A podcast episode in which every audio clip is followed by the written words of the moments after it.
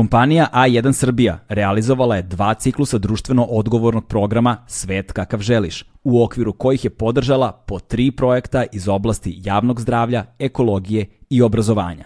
Ovih šest inicijativa dobilo je ukupno čak 19 miliona dinara za realizaciju svojih fantastičnih ideja. Informišite se više o ovim projektima i njihovim rezultatima putem sajta svetkakavželiš.rs. Legend Worldwide je domaći modni brend prepoznatljiv po džinsu i stilu, fokusiranom na stvaranje smirenog dizajna sa prizvukom modernog nasuprot bezuslovnom praćenju modnih trendova. Današnji gost a, dosta odudara od gostiju sa kojima smo se susreli do sada iz više razloga. Prvi je zato što ćemo u velikoj meri govoriti o preduzetništvu, što inače nije praksa a, u ovom podcastu.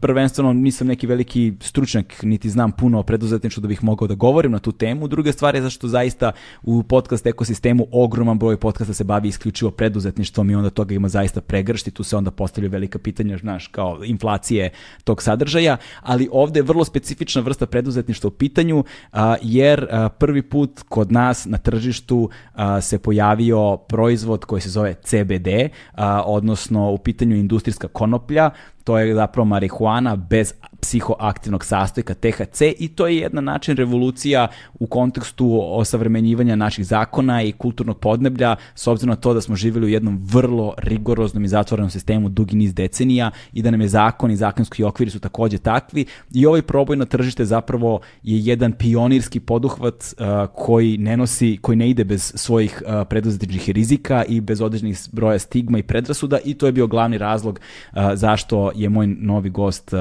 tu. A, između ostalog, a, on je zaista dugogodišnji prijatelj i a, neko koga poznajem, ka, dakle, neko koga poznajem dugi niz godina i ko učestvuje u underground subkulturnom i kulturnom životu ovog grada i ove zemlje već dugi niz godina, sa, kako sa modnim brendovima, sa svojim proizvodima koje pravi, ali između ostalog je i a, osnivač festivala 9 a, koji se dešava u Beogradu već izvestan broj godina, ne znam tačno koliko, na, prost, na, na tamo gde se nalazi Ciglana kod Karaburme, i zaista imamo pregrš tema za razgovor i jedan zaista jak i važan povod i eto, to će biti današnja tema današnjeg razgovora, a njegovo ime je Ivan Peševski, poznati kao Vani Zlaštek. Uživajte.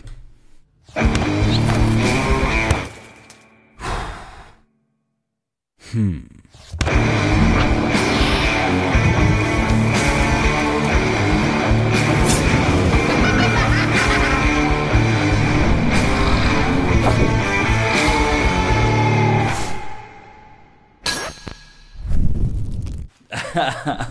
pusti, pusti na gosta, čoveče. Ali to je Da. baš beogradska priča. Da. Sa, sa Savka, ovaj, što skuplja za sestru. Da, da, da. Ali ona se nije promenila. Mm, Brate, nije se promenilo, ali nismo se ni mi promenili. Da. Vidi Ona se kakav da, ona se nije, nije se promenila 20 godina. Ja ne, ne znam, znači, otkad ona na, na ulici skuplja za sestru? Pa ne znam, ja kapiram ono zadnjih 20 godina koliko tu nešto ono mi dobacuje ovaj, u, u, u ovaj, posle reseta ovaj moj mozak. Da, sam da. se resetovao pre jedno 20 godina, sa jedno 20 i nešto sam se resetovao. Ovaj, ja, ja nju uvek znam, ono, viđe mi je tu nešto i sad ono, ovaj, da, to, to je ludilo. Ono. Pojavi se, u, u, svi vlasnici kafića znaju, dođe kod nas, ono, konobari se već pojave se spremnih, ono, 200 dinara, ono, ko, brate, ko da je došao, ne znam, Pablo Escobar, evo te, znaš, ono, reket da skuplja, ovo, ono, ja se uvek pitam gde je ta lova, ono, znaš, to, to je, brate, nije to malo lova. Znaš, ono, svaki dan se pojavi kod nas, svaki dan izađe od nas samo, samo sa, sa konobarskim bakšišama nekim, ovaj, ono, 200, 300, 500 dinara.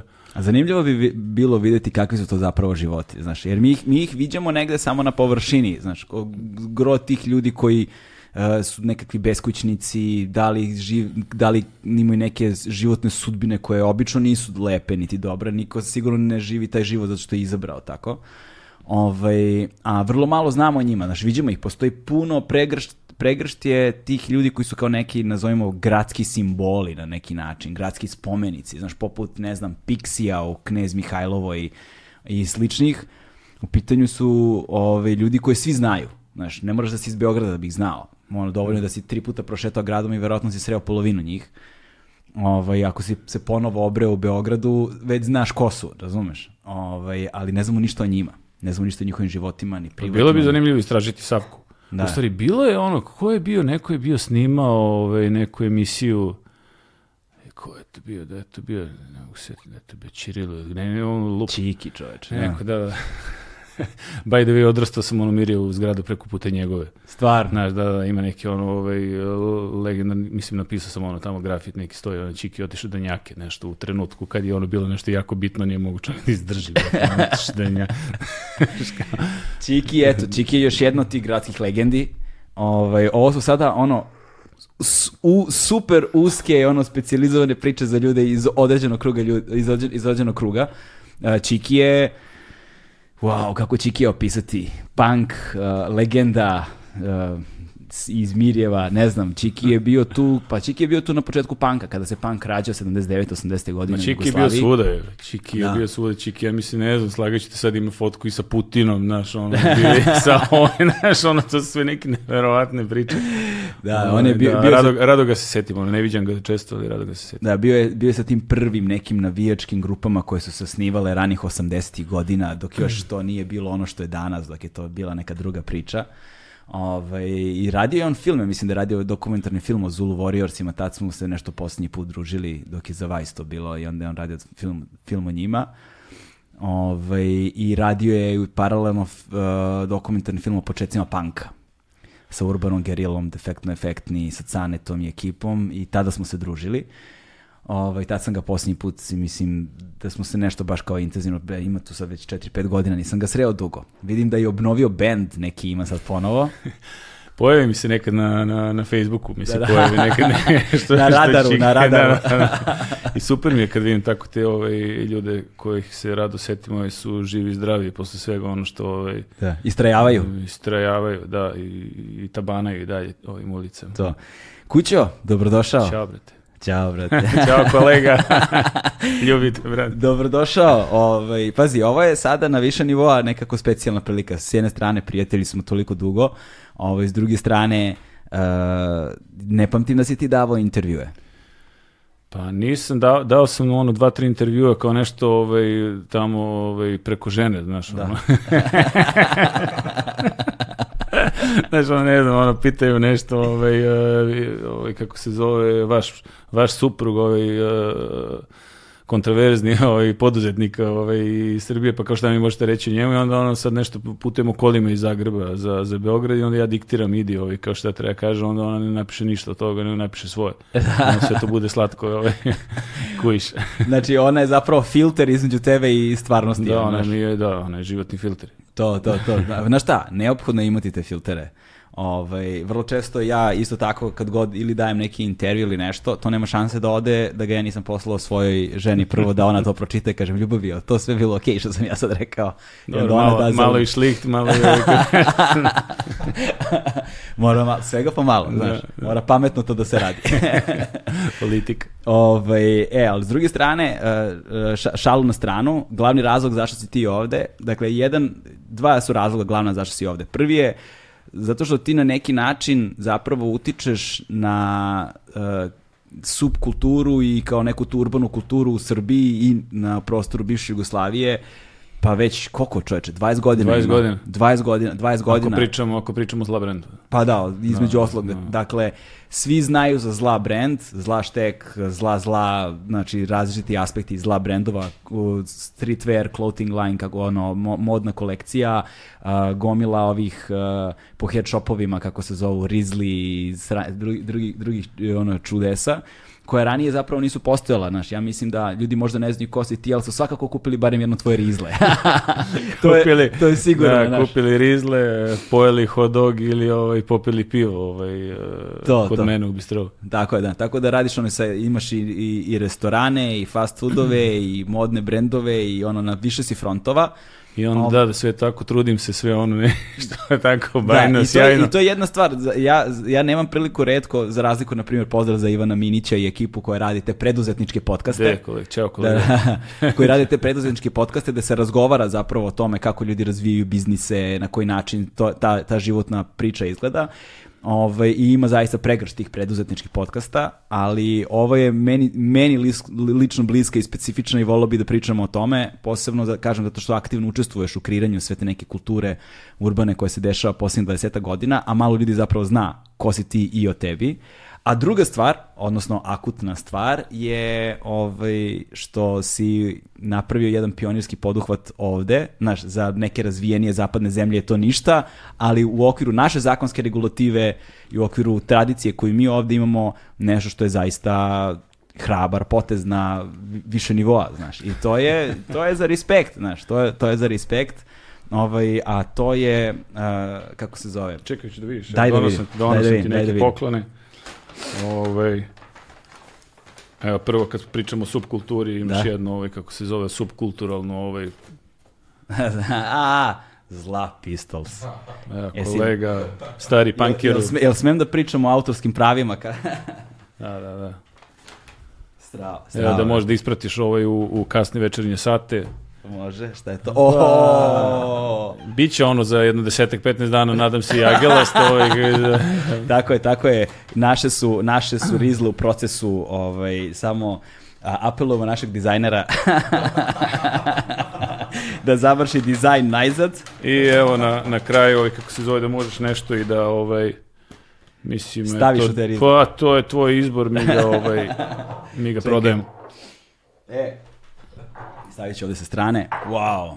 Lemon Haze. Lemon Haze CBD. 100% lagano i legalno. Coming, Lagano, znaš, lagano, piše, lagano, lagano, i legalno. Ovaj, ko ti radi te slogane i dizajn i kao... Pa, gle, većinu stvari se setim ja sam, pa mi onda ono, ovaj, eh, kolege, drugari, višegodišnji prijatelji, kumovi i braća, ovaj, sestre pomognu, ovaj, svi smo tu negde, nas je ono 50-ak koji Da. se non stop viđamo i svako ima neku svoju ovaj, Foru. foru koju ovaj, E sad mi reci, a, CBD, ovo je sada zvanično legalno u prodaji. Pa glej, to je, da, ovo je, e, to je, to je cvet industrijske konoplje. Ajde sad ono kao odmah da, ovaj, Da. postoji, uh, objasnimo ljudima, postoji jedna, jedna je biljka ovaj, kanabisa koja se deli na dve, ovaj, na dve, na dve vrste. Indijska konoplja, marihuana i industrijska konoplja koja je ova. Indijska konoplja ima ovaj, po, po pravilu, ne znam, 15-20%, u Koloradu sam bio ovaj, i Nevadi, i to, šure i po, Da, bio sam, bio sam u 30, Koloradu. 40% i THC unutra. I ovo izgledaju ono kako izgledaju i ovaj, oni se ovaj, prodaju na ilegalnom tržištu u, u Evropi. A ovaj, e, e, i druga, druga biljka je industrijska konoplja koja nema visok udeo THC po pravilu ispod 1%, ispod 1%, to je koliko mu dozvole groveri, ispod 1% u, Švici je do 1% zakon, u Italiji je do 0,6, u Hrvatskoj do 0,2, u Srbiji je do 0,3 i ovaj, ima manji udeo THC-a, veći udeo CBD-a Da. I samim tim se kategoriše kao industrijska konoplja, ovaj, koja se by the way gaji ono već zadnjih ne znam koliko desetina godina ovaj, ovde u, na prostorima Stare Jugoslavije. Mhm.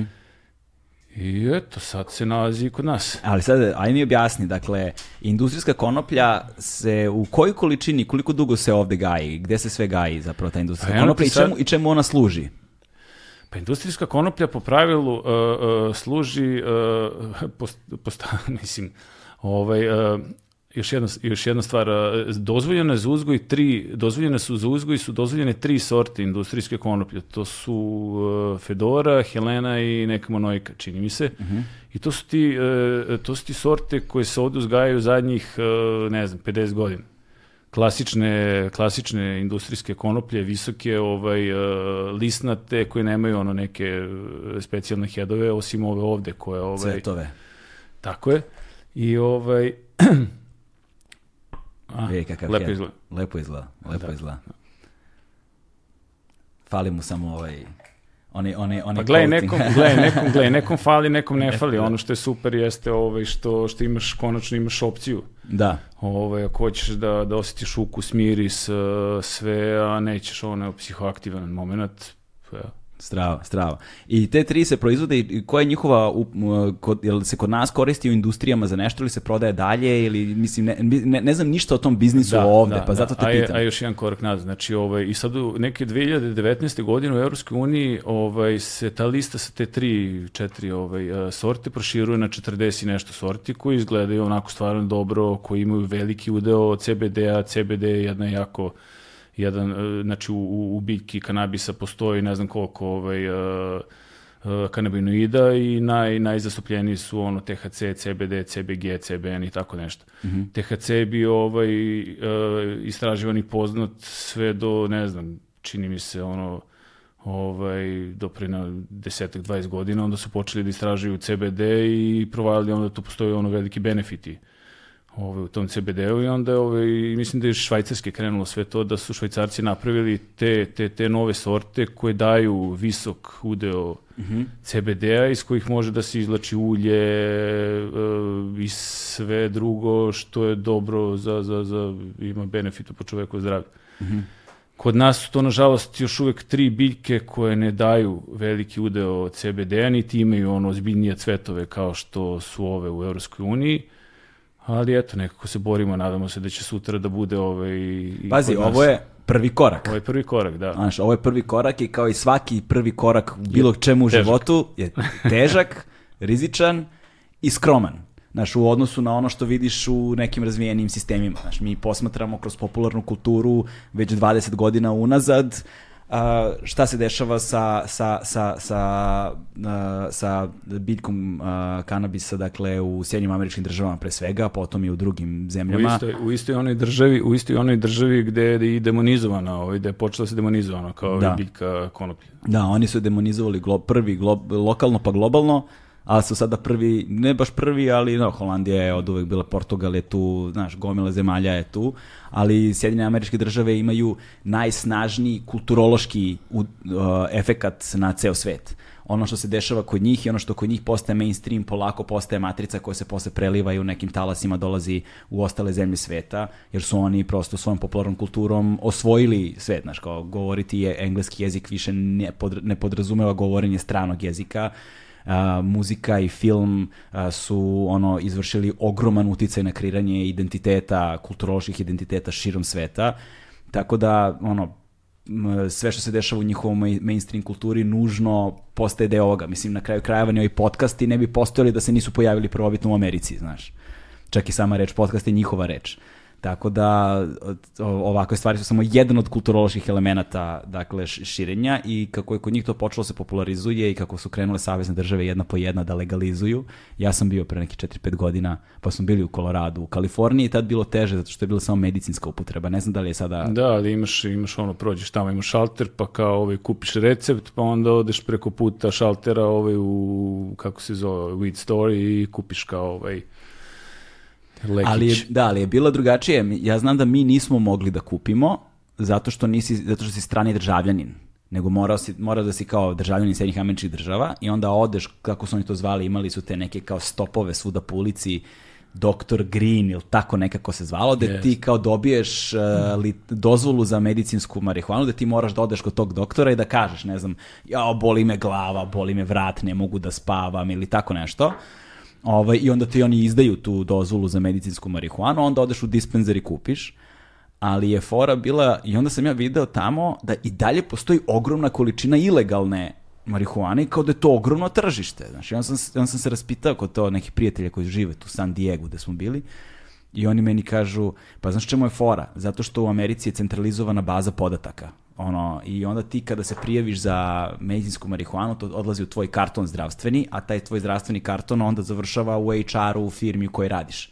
I onda ti čim se prijaviš da si licencu za medicinsku marihuanu, odmah se tamo uključi, la, upali lampica u ovim HR-u i onda oni znaju da ti koristiš medicinsku marihuanu. Kako I- gospoda. Da, i veliki broj ljudi onda i dalje kupuje ilegalno zato što ne žele da im stoji u zvaničnim I podacima. verovatno jeftinije i verovatno postoje neke ono sorte koje ovaj, su možda malo i jače, drugačije. Pa da, znaš, ali dobro, tu sad govorimo o medicinskoj marihuani koja, koja ima THC-a u sebi i koja je zapravo... Koja pravi- nema nikakve veze s ovim ovde. Tako je, ovaj. nema nikakve veze s ovim. Da. Ovo je čist CBD. Koliko Ovo je- CBD-a ovde ima? Pa on gleda, on ima ispod, uh, de, ima ispod 10-20%, ovde, ovde tačno ne znam, ovde tačno ne znam, ali je to otprilike tako. Da. Nije ni bitno koliko ima tu CBD-a dokle god ga ti ne ekstraktuješ u neko ulje, u neku smolu ili nešto, pa onda, znaš, kao ovaj, od jednog, he- ako ima veći procenat od jednog hektara dobiješ više ulja, ako ima manji procenat manje, samo je ovaj, samo je količina u pitanju, što ovde kod nas, na primjer, ove naše sorte imaju niži udeo ovog CBD-a ovaj, organski koji daju i onda ti treba mnogo velika količina ono bilja da bi ekstraktovao ono CBD i da bi dobio ono neko ulje, izolat ili već šta god. A1 je prvi prijatelj audio izdanja Agelast podcasta. Da, vidio sam da su postali popularni kod nas da se prodaju čajevi polako. Dobio sam čak i nekoliko mailova bio od različitih proizvođača iz Niša, neka ekipa je bila, pa ne znam odakle još. Evo baš nešto što, izvini što te prekinem, baš nešto što se dešava u real time, ovaj, uh, uh, dobio sam poziv jutros od nekog ovog uh, prijateljskog proizvođača ovaj, i čajeva da, da, da nešto imaju neku situaciju sa legalnošću proizvoda, ovo, mislim, to je industrijska konoplja, tu ne postoji mogućnost da ne bude nešto ok, mislim, to je Da. ovdje pričamo o THC-u, znači zakon kod nas kaže sve što je ispod 0,3%, 0,3% THC-a nije, nije, nije, nije psihoaktivna substancija, nije droga. I ta, ta, ta, ta konoplja koja se uzgaju u Srbiji, ono, mislim, ona prođe kroz razne ove, kontrole i od, eh, ja mislim da su tri inspektorata nadležna, ono, kao i za, za, za to i prosto mi nije jasno kako su imali situaciju, ali eto, vajde, vajde, vajde će se to sve popravi jednog dana, bude normalno. Evo, u, već ovamo u Hrvatskoj preko granice mi imamo ovaj, imamo lanac nekih uh, šopova, pričat ću ti kasnije o tome ako žele ovaj, to, to ne znam koja količina ono proizvoda koji su u slobodnoj prodaji koji nemaju nikako psihoaktivno dejstvo ništa. Samo eto su od kanabisa od biljka koja je zdrava i imaju ono CBD u sebi koji je ono okej.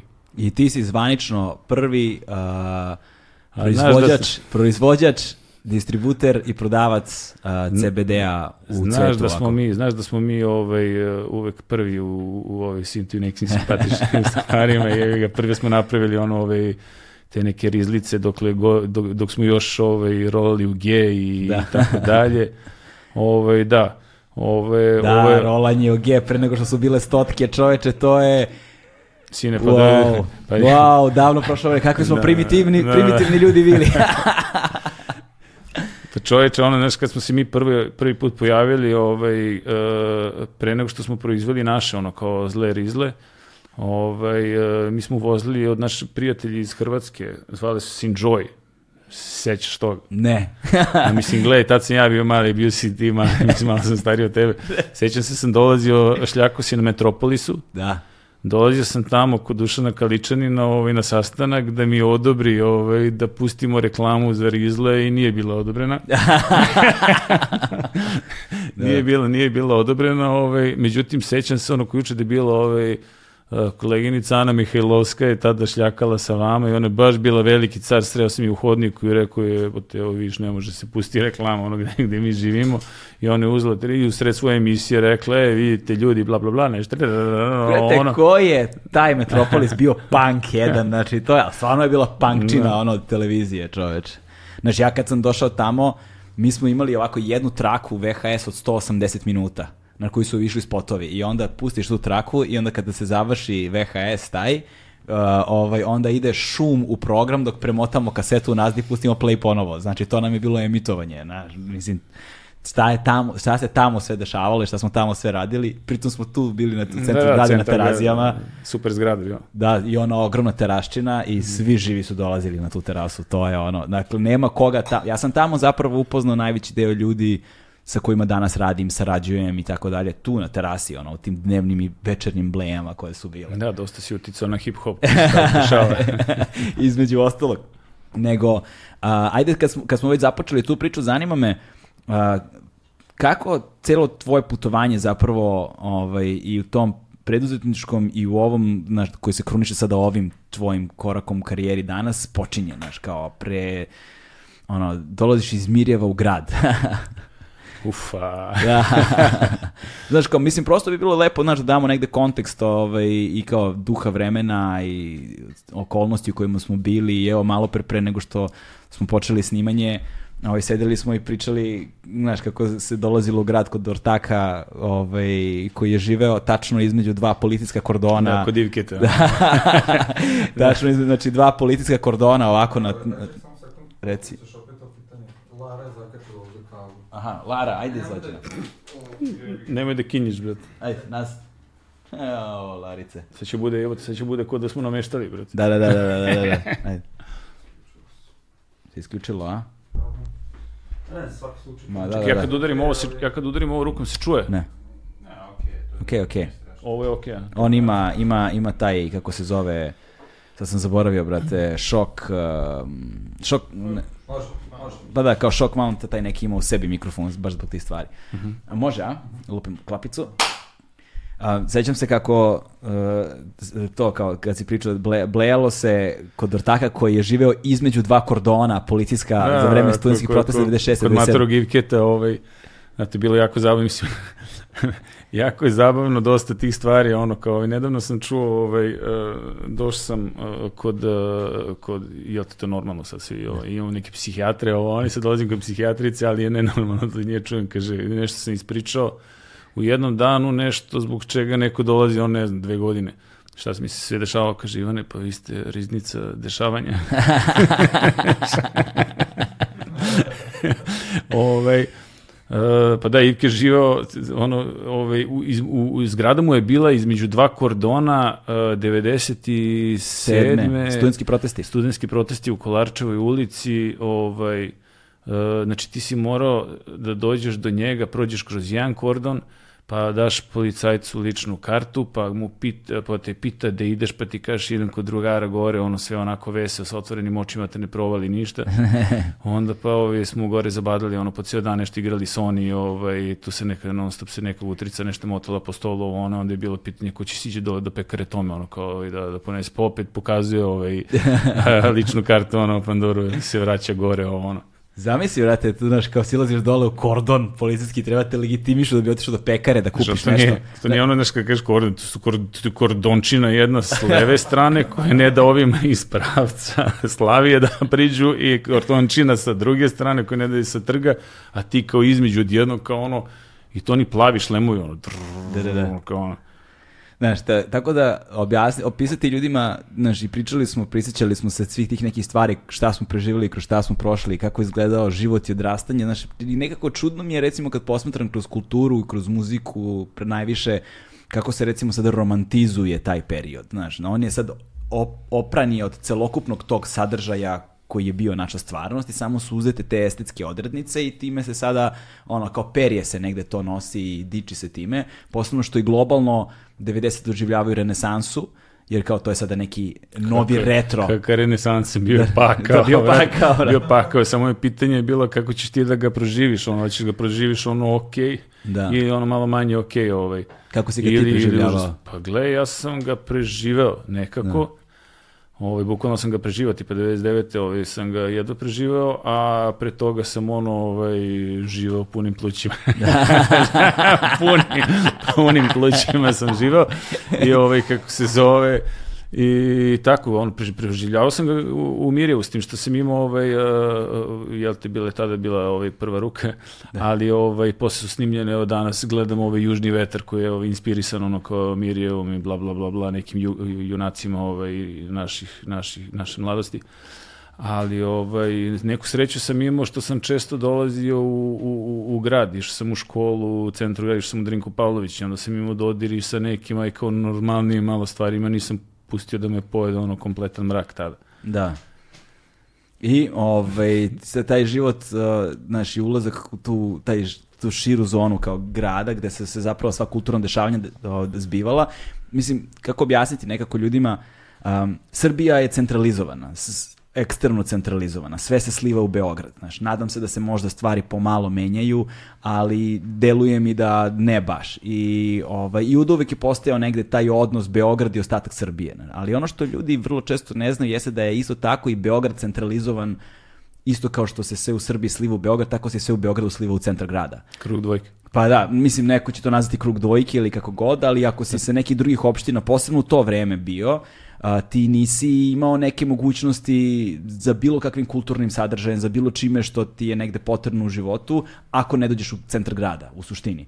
Na primjer, ja sam s Voždovca, Voždovac je opštio nekih 230.000 stanovnika, pazi, 230.000 stanovnika i sad su se i podigle još ono celi kompleks, ono, ne znam, sa Stepom Stepanović naseljem, ne znam koliko je još novih stanovnika tu dobijeno. Sa celim tim kompleksima koji se dižu, koji ono, ja sad kad prođem kroz Vojvode Stepe, samo kroz jednu ulicu, ja više ne prepoznajem naselje od zgrade, zgradurina koje se tamo prave i svih ljudi koji se tamo naseljavaju i koji by the way dižu cenu kvadrata, ali je fora a, fora u tome što na tako velikom mestu ti nemaš ni jednu kulturnu ustanovu. Nema pozorišta, nema galerije, nema bioskopa, nema kulturnog centra, nema ničega.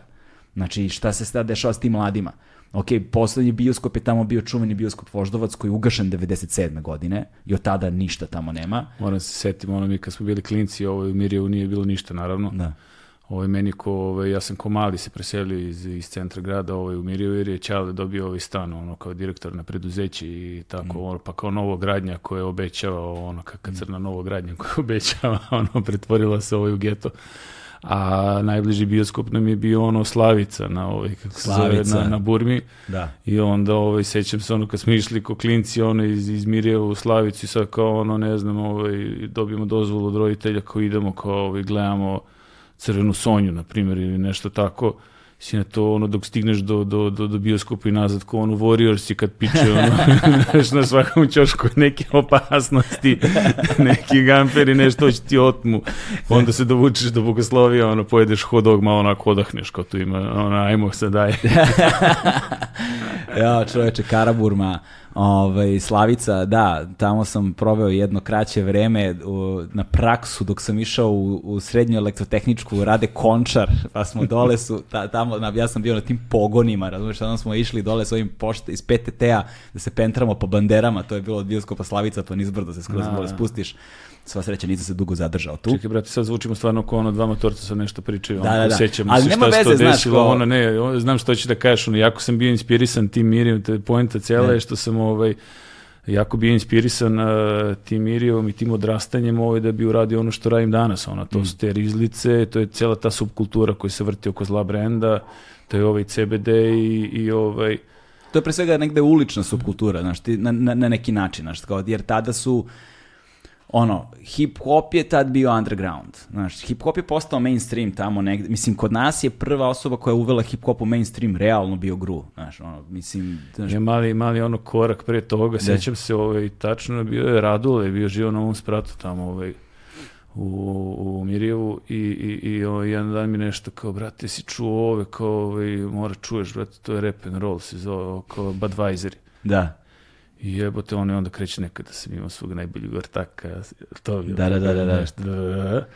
I, ovaj, i tad sam prvi put čuo to, to je bilo nešto, ne znam šta je, 85 6 7 ne mogu se 86. setiti, oni su, ne, ma, oni su da. malo posle Beastie Boysa, recimo, To je u istoj bilo- godini, na primjer, posle Beastie Boysa objavili album. To je bilo ludilo. I, i ovaj, da, i sećam se odmah 87 inspi- možda, eto, inspirisan time, ono, počinje nešto se tu pojavljao, ono, i, i crtam čak i prvi grafit u, to sam išao u Drinku Pavlović, osnovnu školu, prvi grafit sam nacrtao nešto pre 90, mislim, 87. 8. pisalo je Jo veliko, Da, da, da. a, ovaj, u, a u nedostatku inspiracije, ovaj, kako se zove, za, za fontom napisao bi bio je veliki, ovaj, i to 3D sam kao napravio neki, kao ono, sa onim bojama, zva, Autolak se zvao, kupao sam go u kući Beograd tu na terazi, znači kao ono malo Autolak se zove, on, ovaj, a, bio je Ivan napisan metalskim slovima. Da. Znaš, ono, sa onim dole krstom, ono, naopako. Ovo, ono, tek sam posle skipirao, čekaj, brate, to nije, nije, nije cool. Da. Znaš, ali kao, brate, ne vezi, bio lep. Da, i ovaj, a, da, kažem, tako da ta, ta, ta negde, e, ta, ta ulična kultura, subkultura, hip-hop koji je to vreme bio underground, kažem, koji se tek tamo posle 2000-te postao baš zaista mainstream i u, u Americi pa i globalno i onda potom i kod nas i danas je to ono, pop muzika zapravo u velikoj meri, s time da su ostali ogranci koji su totalni underground, ali to nam nije tema naravno.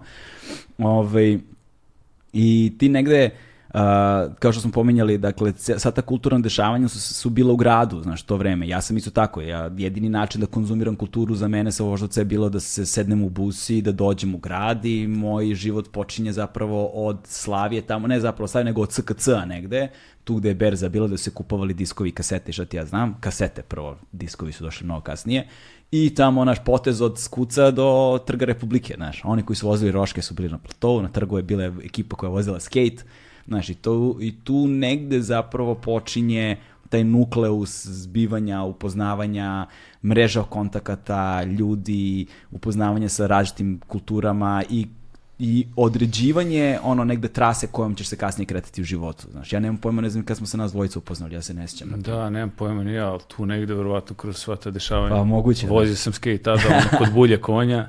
Da. Ovaj, pre toga, ovaj, to je tačno u to vreme smo išli u, na koncerte, ovaj, bili u bunkeru su bili HC koncerti. Ovaj. Mm. Da, da, da. Ono, bilo mi je glavno u životu mi je bilo ono kao se pozicioniram pred sam koncert, ono na, na, na stage, ovaj, i kao skočim prvi kao ovaj, u, Mm. otvorim kao koncert i tako to. Da, bunker posle St. James kada je bio hip-hop sala, a, mislim gore dom omladine. Da, da, da. To. I, ovaj, I kako, u kom trenutku, kako se tvoj život odvija nakon toga? Dakle, a, kada i na koji način počinje ta tvoja ono preduzetnička priča i koje si sve cene platio ovaj, na tom putovanju, pošto ih je bilo? Pa bilo je svako malo se, ovaj, drugarica moja Ida kaže, ovaj, jebate, svako malo ti kao radiš normalno, a svako malo ti naleći neki problem koji ne bi trebao da bude problem jer kao radiš normalno. Da. Ne znam, na primjer, ono kao stignu nam na carin, ono kao ovaj blantovi sa, sa, sa koji blanti originalno napravljen od liste, ref- refinisanog lista duvana, znaš, kao ono i I ovaj, onda moraš se boriš tamo da opravdaš to da to nije duvan, pa da imaš ovaj, sa ministarstvom financija ono prepiske da im objasniš čekajte ljudi, ali ovo nije duvan, ovo je ono eh, papiru što se rola, mislim, znaš.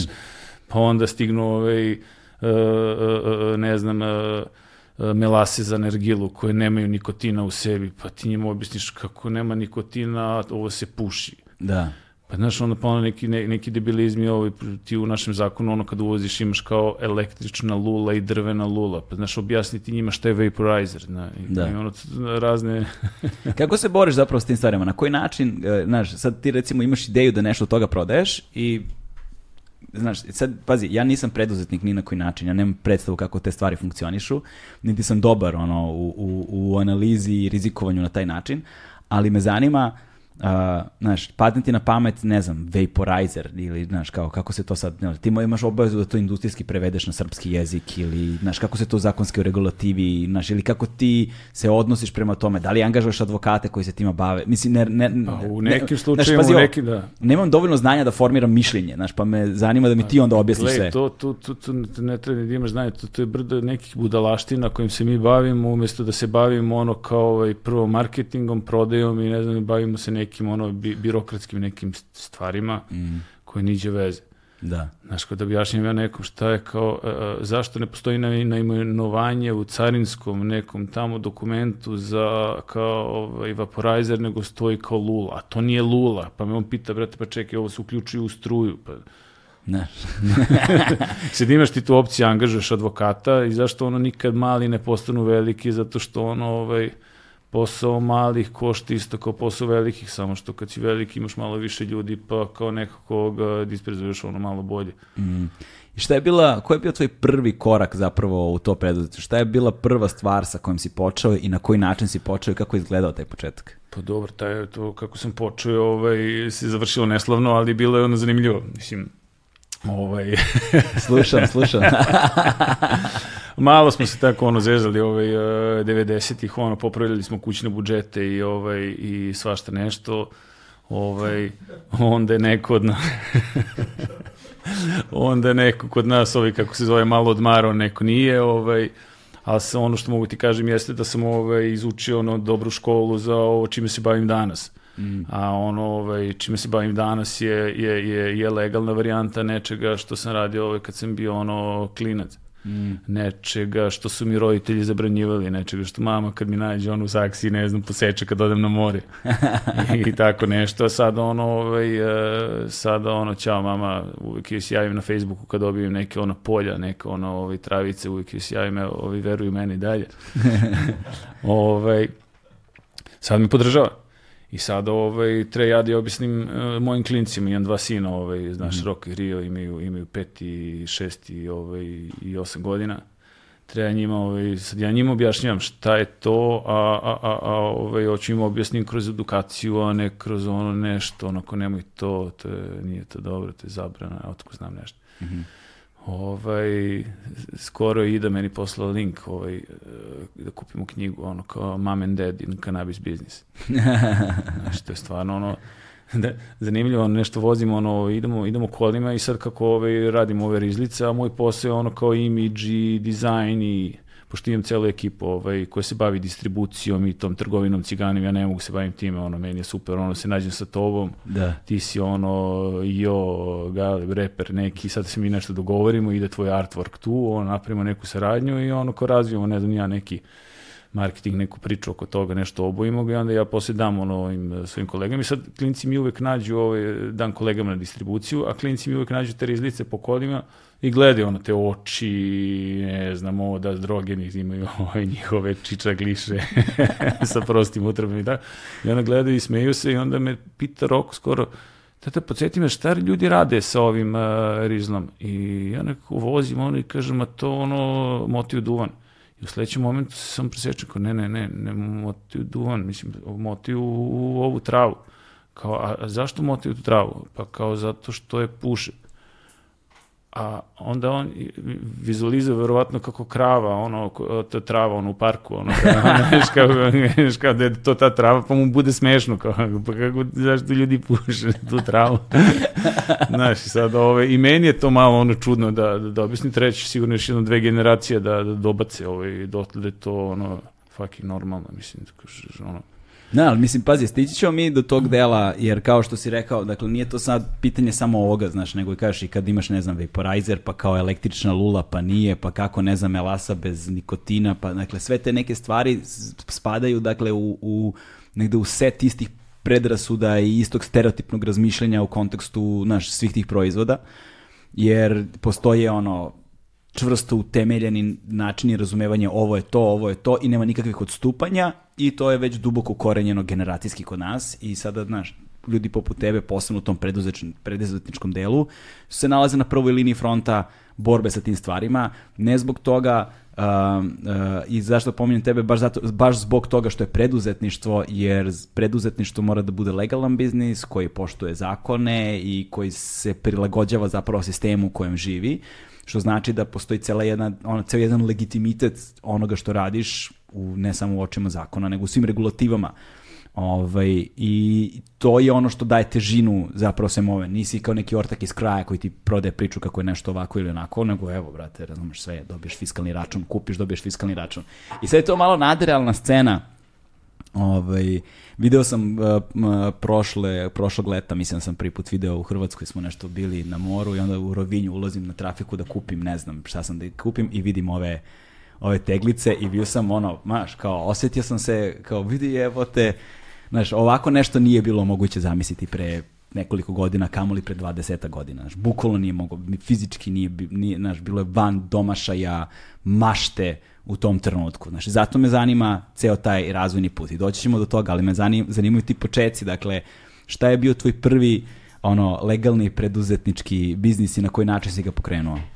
Pa to je bilo dve, dve, 2000, 2001. Mm.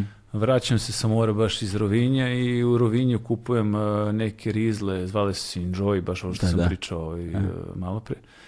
I, i dolazim i, i baš neki zalazak sunca je bio i ovaj Davor iz Rovinja mi nešto priča i kaže, ja kujiš, znam tog tipa što je napravio to, te rizle, on ima kuću sa bazenom, meni kako je rekao kuću sa bazenom, pustiti, nisam ja istražio ništa, nego ja vidim ortaka već kako kulira u kući sa bazenom, razumeš, i sad hoću ja izmirjeva, već, da. da, da, da. već. A te, znači, Iz Mirjeva Znači- do Rovinja veliki je put, brate. Znaš, kad sam se pojavio to 2001. posle 10 godina, ono, e, inače meni mama iz Rovinja, sad kao pojavljam se tamo 10 godina posle početka rata. 10 godina nismo bili da vidim svoju baku koja me živi tamo i, i, ovaj, i tetke i sestre, ono, mi se pojavljujemo iz Mirjeva uh, 2001. U, u, u nekom Rovinju gde ono ekipa ne da nije osetila Balkan, Da. ono neki e, dečačići devojčice na nekim skuterima, vespicama koje dolaze po nas, odvode nas ono u nacionalni park Šumarak na Lagani Rejević gde ti ono nešto džuskaš kao bos, ono kao u vodi, tamo ribica skače zlatna, ono sunce dodiruje, ono bajaga, brate, ono nešto. I kao, no, ono neverovatno, ja sa sestrom bukvalno ono varim u žbunu da me ne provale ovaj kao jer otkud da se ne pročuje da smo i tu ono probiseti. I kao, znaš, i sad kao sa sestrom kao jebote, gde mi živimo, šta je ovo? I sad ja kao odatle dolazim sa, sa tim rizlama u Beograd i ono direktno na ta, šta smo blejali na, ovi, e, na tribinama ovim, e, dok ih nisu renovirali. To je, ovaj, inače kad sam se preselio, vratio iz, iz Mirjevo grad, ovaj, ovaj, počeo sam živim tu ispod Taša.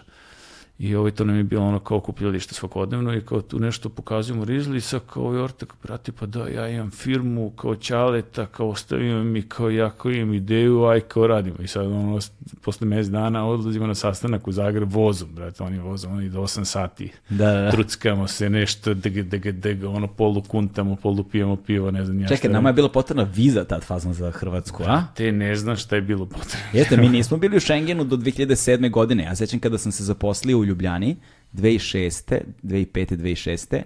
Ja sam morao da imam tranzitnu vizu za Hrvatsku. Znaš, kao... Ne znam, ali, to je, ali kao- to je tolika riznica dešavanja u, u, u našim životima svega da ja više ne mogu se setiti. Znaš, da je ono, jasno. koja je to bila zemlja tada? Aj seti se, koja je, da li to bila Srbija i Crna Gora? Ili je Nije to bila Srbija i Crna Gora, je bila bo, Savezna Republika Jugoslavija bila valjda. Jebo SRJ, SRJ. SRJ je bila. Da, pa posle je bila SICG, pa posle RS. Da, da, i sad toliko toga. I, i ovaj, jelem, dolazimo mi u Zagreb i sad kao na sastanak, prvi kao ozbiljan neki sastanak, znači do juče, do juče sam ono kao ovaj, nešto tu, ovaj, kako se zove, spavio kraj sa krajem i ovaj, bavio se ovima što idu unutra, sad se bavim ovim što ide s polja Da. i dolazim na sastanak i, ovaj, i, i pričam sa, sa tim Hrvatom tamo i mi mu donosimo ono prvu neku količinu, da, da mi smo tada kupili za, robu za keš, mislim, znaš, ono kao, Da. kupili smo neku robu za keš koju smo mi posle doneli, ono, ne znam, 20 kutija da vidimo šta ćemo da radimo sa time, da li ima uopšte smisla se bavimo, koje je interesovanje, da ljudi... Da. To su bile rizle koje su imale ovaj, a, velike, znači velike, veće, wow, ali su imali filtere, ono, perforirane, ono, kartonske filtere u njima integrisane, što je bilo neviđeno do tada. I, ovaj, i mi donosim, mislim, ono, plaćamo ortaku i sad ko veliki biznis, on je bio nešto stariji od nas, ovo, ono, posle 10 minuta zove, brate, čovek koji mu donosi ono ciglu Marokanca za te pare koje smo i kupili i to. I kao jebate, pa čekaj da smo mi u pravu. Jesmo mi ovde glupi. Ovaj, i, i, i, i ovaj, donosimo u Beograd i sad ono treba kreće, ok, treba da prodamo to. Ja niti imam auto, ovaj, jedva ima firmu neku, nešto smo knjigovođeno napravio tu neke fakture, nešto i idemo od kioska do kioska, dobar dan, dobar dan. I sad ono, prvo krenem ispred svoje kuće, to ono, po Dorčolu, Da. po kraju i kao dobar dan, dobar dan. Ili ga, znaš, ono, sagneš se, ono, ono prozorčito, onaj e, socijalistički fazon da se sagneš, ono, blagajima, znaš, kao, i kao, i kao, dobar dan, tu gazda, kao, nije šta treba, znaš, ono, mislim, kad, mi dan danas kad me vidi, pa me pitao šta treba, a ne, a ne ono, gospodine, znaš, kao, i šta treba, ja kao, pa kao nešto treba mi, kao nešto imam neku robu, pa kakvu robu, pa kao neki rizle, pa ono sledeće reče, bešte narkomani, znaš, kao ono, ili ne želimo mi, naš čest izgovor je bio, ne želimo mi da nam se narkomani okupljaju oko kioska. Da, da. I mi smo imali, ne, ne, ne, ono baš, e, ovo je težak proboj, ono, kroz, kroz te kioske, jer mislim, možda zamisliš, znaš, ko drži kioske. Ne znam ko pa, drži brate, kioske, ali mogu isti da onaj znam. ko radi unutra. Ovaj, da, da. Sad se to malo ovaj, eh, podiglo na, na, na veći nivo i to su sad lanci, to su sad ozbiljne firme. Ali ranije je bilo ono, ti evo sad skupiš ono tri soma, Da. ovaj, otvoriš kiosk i nešto tu radiš, ovo ono, popodne radi radnica Da. koja te ogovara, ono, kao oni pomaže meni da ovaj, najđem kad je gazda tu i kad mu je ono ovaj, eh, srećan ovaj moment da, da hoće da kupi tu robu. Da. I onda polako počeli to njima nešto tu prodajemo, Ove, sećam se, pa onda čekaj, onda je bilo, ok, ja prodam njemu, ali sad kako će onda proda kupcu? Mislim, sve to ono kao marketing, ali nemaš ti budžete sad kao danas, ono kao, aha, uzeli smo zastupništvo, ko što sad imamo neka zastupništva, pa postoji ono budžet za marketing, pa za pozicioniranje, pa za ovo, pa za ono, pa free samples, pa Da, znaš, da. kao ono, nego tada je sve potrošili smo, ne znam, ono, da, Čale mi je bio, ono, hvala Čale, pozajmio je bio ovaj, Soma Maraka tada, kao da uložim u biznis. Ovaj, pre toga me pitao dokle više se to, ono, kao to treba, onda je ona mama došla pa malo emotivno mu objasnila daj, pusti, pruži šansu, ono, ovaj, čoveku, ovaj, i to, i ovaj, i onda smo mi počeli to kao prodali, prodali kiosku, sad i kiosk treba da proda tebi. Da. A ne, ne možemo dobiti sad on onim selotipom zalepi ono rizlo onako na izlog i sad ti dolaziš i kao vidiš, on ne zna šta je to. Da. Ne, ne, ne, neki enjoy ono novi. Onda sam ja slao, a on kupi od mene, ne znam, 10 komada, a kutija je 100, i ako se proda 10 komada, kupit ću ti ja i celu kutiju. Onda sam ja slao, davao ortacima ono pare, koji idite kupite, brate, molim vas, ono pričate, u, ne se, imam ovo, vidi kak, znaš, mislim, Da. znaš, kao pohvali me. Onda sam ja prvo opet kupovao od sebe. Haos. Ovaj, I dok to tako nije, znaš, i onda, brate, da, da, i onda ovaj zove, ono kao uveče, znaš, ono, prvi- to, to se tačno sećam, ovaj bio je u George Washington, je bio neki kiosk koji je prvi probio tako led i zvao me uveče, sina, donesi sutra ovaj, celu kutiju tih rizli i sve vrste koje imaš, ovo se prodaje ko ludo.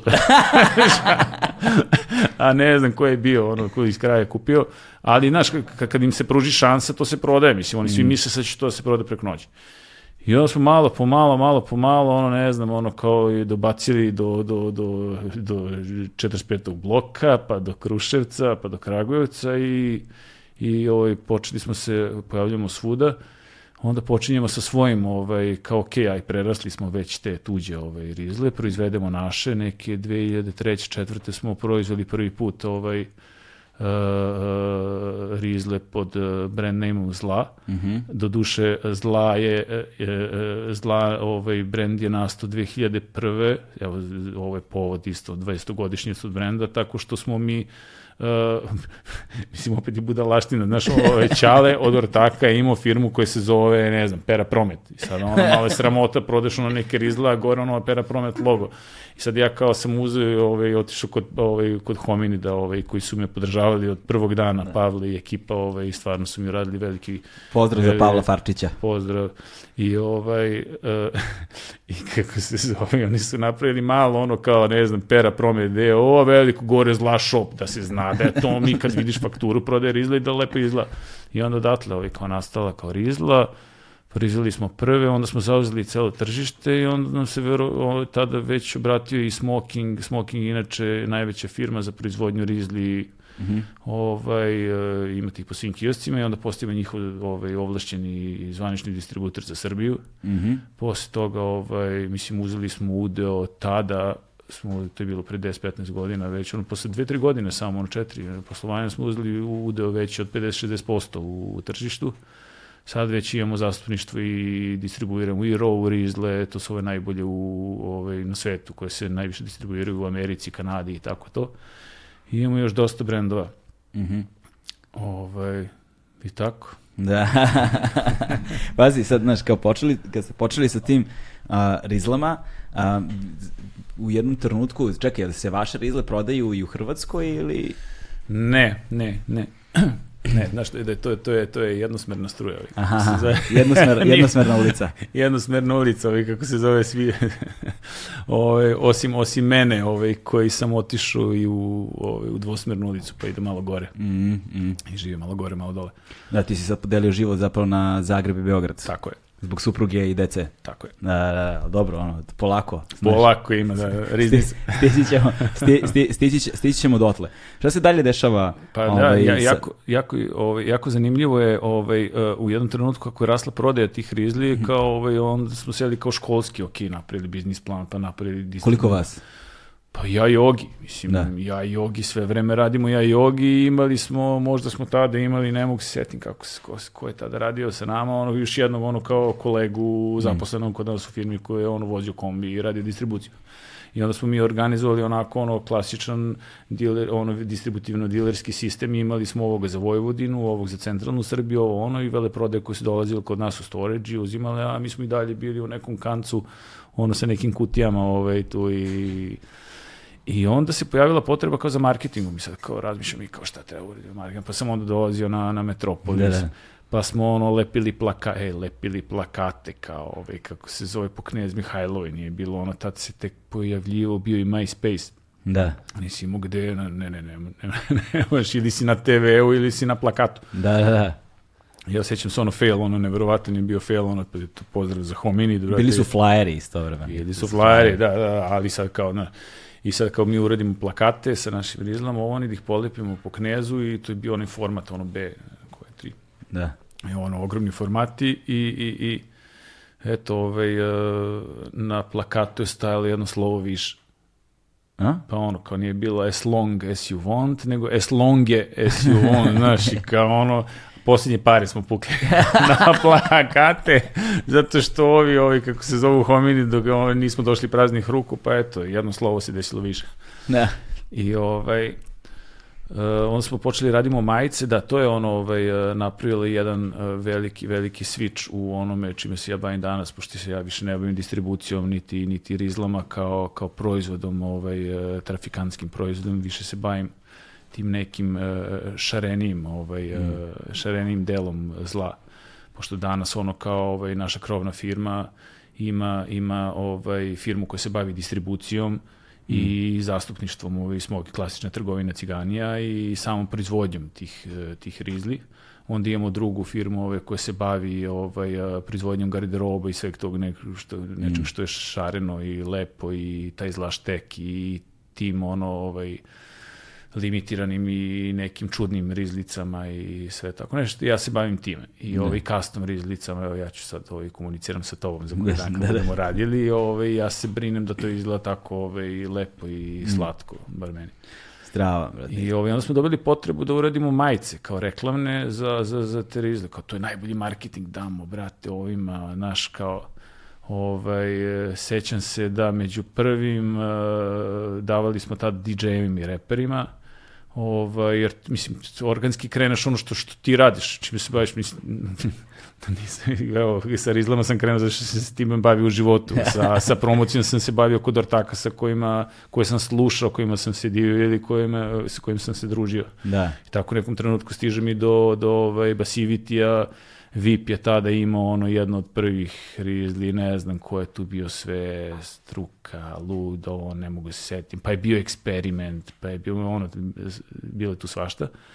I onda smo te majice odlučili kao ajde da, da uradimo, poklonimo i damo tim ono kao našim drugarima. Mm. Oni su se pobili, mislim, znaš, da ti ono 2000, ono četvrte, imaš rizla, majicu, ovo, ono, to je stvarno bilo ono kao, ovaj, nije tada nije bilo ono toliko ovaj, custom majici i Da. ovaj, small brands, ono kao, Da, šta je bio? Bio dečko car, bio dečko car. i sad naša možda zaboravljam još nekoga, I ali bila su dva, tri ne tako, više. i on je ono, bio da. težak underground, s tim što ovaj, kako se zove, on je bio ono brand, a mi smo bili edgy, znaš, kao ono, Da. ko majica rizla, nije to ko danas majica rizla, e, kad, znaš, Da. ih u gepeku svima ih dajemo, ono da ono nosi ih za po kući. Znaš, kao, Mislim, kada pričamo ono, znaš, tada da, da imaš smoking majicu, tada da ti neko vidi ono smoking majicu i da ti vidi u nekoj majici nekog benda, to, ono baš je bio statement, ono. Pa da, mislim, to, to, to sam više puta pominjao, ovaj, ali zaista mislim da je važno za razumevanje ono konteksta kao kulturološkog Uh, nekada ništa od svega što se danas podrazumeva nije bilo uh, nije se podrazumevalo. Dakle, ideš ulicom ako imaš skejterske patike, to smo tada tako zvali skejterske patike. Znači, mislim da, mislim da danas ljudi više ne upotrebljavaju izraz skejterske patike, kao ta fraza se ne koristi. Pa verovatno mi, matorci. Mi, mi, mi to, to je ono jedan od, zna, kao, evo, ok, boomer, jel tako, ne, evo, jedan od simptoma da si uh, omatorio, govoriš skejterske patike, kao, znaš, to je lame sada. Dakle, u to vreme, znaš, ideš i nosiš kao skejterske patike i vidiš nekog drugog ko nosi skejterske patike i vi ste automatski ortaci. Znači kao ne poznajete se, sretnete se na ulici Ne, i evo kao ej, Da misli, da misli da tada da vidim nekog ono ko nosi ono kod Descendants, ono majicu, pa odma mi smo najbolji ortaci. odmah najbolji, odmah najbolji prijatelji, znaš. I ovaj, ili majica benda je bio ozbiljna, o, ozbiljan statement u kontekstu uh, vrednosti koje, koje nosiš sa sobom, kao no, slušanje određene muzike i bio skup određenih vrednosti. I kao ti kad nosiš majicu, neko drugi nosi majicu, vi se sretnete, to se odmah podrazumeva. A sada vidiš po internetu mimove, ono kao uh, lik sa nožem juri nekoga kao navedi mi tri pesme benda sa majice koju Da, nosiš kao, razumeš? Sad da se To se- majica u Zari košta 1000 dinara, razumeš? Ne, nije više isti svet uopšte u kojem živimo, tako da težina toga o čemu ti govoriš danas ne postoji. To se upravo desilo ovaj, i sa našim brendom i sa razvojem, zato se i naš brend eh, razvio ovaj, onako malo brže, zato što smo imali tu ekipu koja je edgy, malo punky, koja je želela da se prepoznaje na taj neki, da kažem, duvački, street način koji nije ono uobičajen. I onda su ove, svi volili da nose te majice i mi smo bili u fazonu, ok, uradimo još jednu seriju, šta smo ih uradili, možda ono, ne znam, 50, brate, šta je to, 50 puta 5 evra, 250 evra maraka, nešto, i sad kao mi skupimo još kao nešto, i kao uložimo u majice, onda kao uložimo još jednu, svi su volili, svi su nosili, ali mi više nemamo para da poklonimo. I onda je bilo ono kao, ok, ajde, sada prodamo te majice po nabavnoj ceni. Onda smo sve te majice prodali po nabavnoj ceni. Znaš, toliko su ljudi želeli da nose te majice, ono kao zla zla, da se ovaj, vide da su ono ovaj, iz tog trajba. I onda počnemo kao, ok, ajde sada da malo ovaj, počnemo da ih dizajniramo i da ih prodajemo i, i tako dođe i do, do, do zla street, eh, prvo, prvo zla, zla vera, a sad zla street. Ono vera koja je nezabilazna na, na ulici, ono kad vidiš ono neke cool klince, ovaj, ne baš uh, preterane klince, oni sad imaju ovaj, svoje idole, Da. ali ovaj nije toliko edgy više, mislim, da li je nešto edgy danas? Ono? Pa nemam pojma šta bi danas bilo zaista. o- Mislim da se ne koristi reč edgy više. Da, da, Znaš kao, mislim da smo potpuno promašili jeru na svaki mogući način, ali nema veze, kao naš furamo mi svoje. Zaista ne znam šta bi... šta je punk, je li punk? Pa znaš kako, a, punk je odavno prestao da bude ono stilska, odnosno stilsko-tipološka odrednica u kontekstu žanra, znaš. Punk se ne sadrži više u onome što je kao punk zvuk kad govorimo o muzici ili o nečemu što je tradicionalne, ono, pazi za tradicionalni punk izgled. Znači, znaš, koristiš reč tradicionalno i punk u istoj rečenici. Razumeš, to je već, već je problem. A, Punk... punk, Neko mi zvuči nacionalistički. ne, ne. punk je više, punk je više uh, uh, ono duh jedan, naš način na koji se na, naš više više je- više je način razmišljanja, više je odnos prema sebi i odnos prema uh, svetu u kojem se nalaziš. Znači on i punk je nekako odraz duha vremena.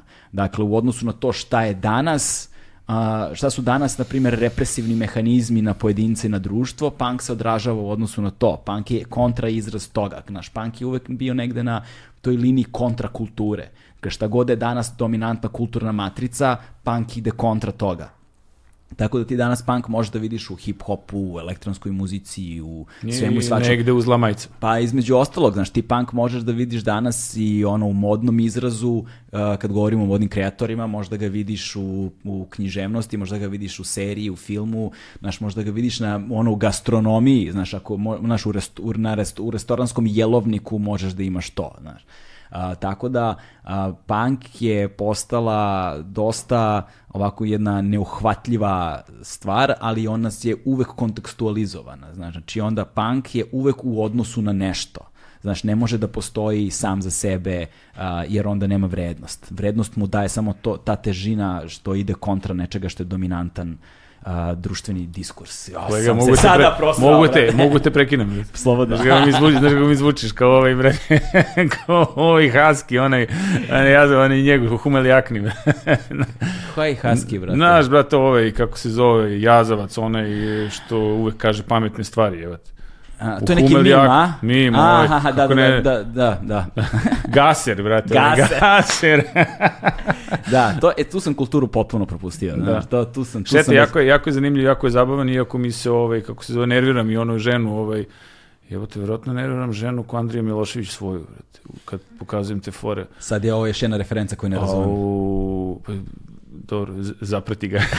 znači, Ortak priča viceve, Aha. po, ono, pozdrav za kolegu, ovaj, Ortak priča viceve, a ovaj, žena njegova i uvati ono kao nekad u selfiju ovako i sad kao žena, kao, e, slušaj kao vic, a ovo, ja, ako nemoj, molim te, znaš, kao isto ko ja, kao vozimo se, znaš, i onda nekad vidim ono mimo i sad pokažem, idi, kao evo ga ovaj, brate, dragi Haski, kao, brate, koliko ti je godina, ali jebi ga zabavno. Tek ti je 44. Napravili smo, da, napravili smo skoro, bio je ta, ta glava, to je, znaš, taj onaj pas, nije, nije ni husky, nije nego onaj neki pas, kako se zove, koji u onom humel jakni, mislim, moraš vidiš posle kako ne znaš, čudi me. Da, da, da. Ovaj, napravili smo glavu ovaj, a, kod lutkara, ono, platio sam je par glavica i držali smo je ispred, ispred ovoga zla šteka, ovaj, i bio je ortak kao u ono, uskoj trenerci gore u Humel jakni, onda su mu ukrali glavu pre neki dan, ono, neko, znaš, onda su mi došli zabrinuti, ono, kada dolazim, ono, kao ova koleginica, ovaj, šefica radnje, kao, kao, evo, kao, nešto se desilo, rekao, šta sada, ono, kao, da fuck, sada, pa ukrali nam glavu Haskija, kao, znaš, To, to ti je sudbina kada mi im pretvoriš ono u Da, fizički da, da. objekat, znaš, požele ga klinci. No, Ne. Ove, I nastavi sad priču o, o Gde sam? kao zla, zla, zla, zla, zla odeća, zla, zla modni brend. Pa da, onda u nekom trenutku ovaj, razvija, se, razvija se i potreba gde ćemo sve to da prodajemo. Ovaj, bili smo u nekom, a, Dragoslav Popović ulici, dan danas nam je tamo kancelarija, sad im je to ono straight office, neki gore slikice, neki kompjuteri tu nešto, ovo ono, i ovaj, komunikacija sa komšijama, frizerom, ovim, onim, znaš. Ali ovaj, ne, e, e, e, trebao nam je lokal gde ćemo mi da prodajemo te ono, kao neke rizlice i te majice i mi smo kao u tu neku rupicu ubacili i onda su klinici počeli tada da dolaze kolege, mislim, drugari počeli da dolaze, kupuju, onda smo osetili potrebu za većim prostorom, prebacili smo se tada u tržni centar u Sremskoj. Mm, sećam se toga, da. Da, ono, ono legendarno mesto, ono raspad u raspad u samom centru grada, ono naš kultna zgrada i tu smo imali mali lokal, pa smo iz malog lokala ono prešli u veći, pa smo ovaj, veći proširili na susedni, probili zid ovo ono i u jednom trenutku ono pre 5-6 godina osetili potrebu ok, a izađemo na svetlost dana, znaš ono kao osetili potrebu, izađemo na svetlost dana u podzemni prolaz ispod terazija i to nam je ono maksimum ono kao da izađemo iz undergrounda i sad već dole, ne znam da, kad si prošao dole zadnji put? Puh, brate, nemam pojma, znaš, slabo se dole, krećem ja. Ono dole izgleda ludilo. Ne, pa ne znam, da, Znači nisam. dole, dole ovaj, Sigurno nisam godinu i po dve prošao, da, recimo, da, da. da, da. Sad nam je, ovaj, uh, tu se nalazi, tu, tu su sad, ovaj, kaže kolega, ovaj, jebate, uzeo si celo podzemlje. Znaš, pošto smo uzeli tu sve te neke lokale i ovaj, sad jedan je lokal House of Zla i on prodaje ono, ovaj, uh, garderobu. Tamo je bio onaj manijak, ili kako se već zvao. Ne, to je onaj drugi prolaz. Manijak ti je ovamo kod Meka, pa tamo prođeš, a ovo je Aha. ovde baš ispod Ivketa, ispod Kordona, gde je bio Aha, da, da, kolačar. da, da, da, tu kod Tomine pekare. E, baš tu. I ovaj, iza, iza onog trefa. I sad imaš ono tref, neku tref. buđevu radnju, ali onaj prolaz izgleda, ono nešto, to je arhitektonski, e, to je projektovano, bude top. Znači ti imaš jedan stakleni, ono kao taj tref. Ono koji ga naružio, ali stakleni, ono, ovaj, lokal u, centru, a okolo imaš male lokale koji imaju sve isti, ono kao ovaj stolariju i mermer, ovo, ono, baš, baš i nego došli 90. Pa znaš kako kod, sa urbanizmom kod nas to ovaj, Da. i ovaj, estetikom. I onda smo mi uzeli tu dole on tih par lokala, napravili od jednog House of Zla, tu možda nađeš ono nešto što ne možeš da nađeš ono možda ni do Pariza, kao ne znam, Travis Scott majice, limitirani easy patike i tako nešto, ono ovaj, ovaj high fashion, ono kao streetwear ono nešto što, što je rasprodato prilikom ono dropova, ti sad imaš tamo kod nas uz ono kao zla ovaj, garderobu koja je ovaj, koju ne nosim sada, ali tako. I tako i pored ovaj kako se zove, pored toga imaš uh, radnju uh, Zlaštek koja je specijalizovana za sve što se vrti oko dima. Kad kažem sve što se vrti oko dima, znači mi sad ono imamo ovaj prodaju i, i ovaj i nargila i ukuse za nargile i ovih nekih cigarilasa i tompusa i svih ovih uh, rizli koji postoje ovaj na svetu. I uh, sad, ono što, je, ono što je zanimljivo jeste da na neki način je to što ste radili uspelo da uđe uh, zaista kao te, te, nek- te neke subkulturne ovaj, pokrete i da se postane vidno primet, vid, vidno uh, u recimo pre svega hip-hop kulturi, ono, znači Prti BG su bili sa vama, ne znam da su i dalje, jesu. Oni, oni su, ja kapiram da smo mi ono večiti drugari, skoro smo sedeli nešto pre desetak, 15 dana, ono, ovaj, došao sam kod, kod Mikrija na gajbu, mislim, ono, to je atmosfera ista, koja je ono, ko kad sam došao zadnji put pre pet godina, pa pre toga pre deset godina, ok, malo je manje, ovo, in, turbulentno, intenzivno, bar kod ovoga kolege Eufrata, Da. ali, ovaj, pozdravljam obojicu sada, ovaj, puno i, i, i ovaj, Oni, su- oni se nisu puno promenili. Oni su, ne, ja, da. to, to, je isto ono kako, kako sam ja krenuo organski od kuće. Mislim, ja sam slušao njih, ja sam obožavao njihov ono kao ovaj rep, njihove rime i i ovaj i pre dok je još ovaj pokojni Moskri. Moskri bio ovaj, kako se zove, tu sa njima i sve i onda, onda smo posle napravili neki kolab i pravili smo zajedno majice često, imali smo ono sigurno jednom godišnje ono neko, neko izdanje zajedničko i onda smo se podržavali. Ovaj, takođe smo radili uh, tokom, tokom svih ovih godina, ne znam, radili smo sa svima, radili smo Sa bad kopijom. sa. Pet Kopijom smo radili, sa Husijem smo radili, Rizle nema sa kim nismo radili, radili smo sa Repetitorom, Da. radili smo sa ne znam, Markom Nastićem, radili smo sa Kažem, to, Lolo ono, Brigidom, sa svim. da, ono, kažem, to ono što je zanimljivo jeste da ste nekako uspeli da se pozicionirate i to je meni strava zapravo, zbog čega sve ovo što meni nije blisko u kontekstu preduzimačke nekakve priče, a, ovaj, a, a mislim da ima neku vrednost, jeste zato što a, obično, obično svi ti brendovi koji dolaze iz nekakvog undergrounda, kada, ka- kako uspeju da uđu u, ili u neku lovu, da se, da, da se stabilizuju, da porastu, oni obično odlaze iz tog undergrounda i onda ulaze u mainstream i kao, znaš... To je organski, to je organski put koji, koji, koji mora se desiti. Da. Nemaš ti, možeš Ali- da strukturiraš, možeš da strukturiraš svoj biznis i da ga postaviš tako i ne možeš ono da imaš 40 i nešto godina, Da. a i dalje da glumiš ono vanija koji ovaj na tribinama ono crta grafit, by the way, sjećam se na crtao grafit, bio je ono kultni jedan, ovaj Lerdi je Da, ovaj stajalo, znaš kao jednostavno ono sad znaš kao ti kad pogledaš i moje pogledaš i naše storije, ono oni više ne izgledaju ono kao nije klupica u parku ih sad nešto tu hood gang, ne znam ni ja šta Ne. već fora, nego jebote neki avion, nešto leti pa kao neki sajam u Švicu, pa neki biznis znaš kao ovaj Pa to, ali je fora u tome što negde e, sa aspekta brenda ostao tu, znaš, nije, znaš, nije se razvodnio na taj način, nije se komercijalizovao na taj način, znaš, shop, shop vam je i dalje u podzemnom prolazu, razumeš kako ću ti kažem, znaš, nije Biće, ono... dok sa ogrom- nije, znaš, nije sa Da, da. ogromnim izlogom u Knez Mihajlovu ili u nekom tržnom centru, razumeš kako ću ti kažem, znaš, kao... Gledaj, da izgleda kao što jeste, izgleda da ima imidž kao što ima imidž izgleda, ali znaš što je fakat ono iza toga već e, stoje ovaj,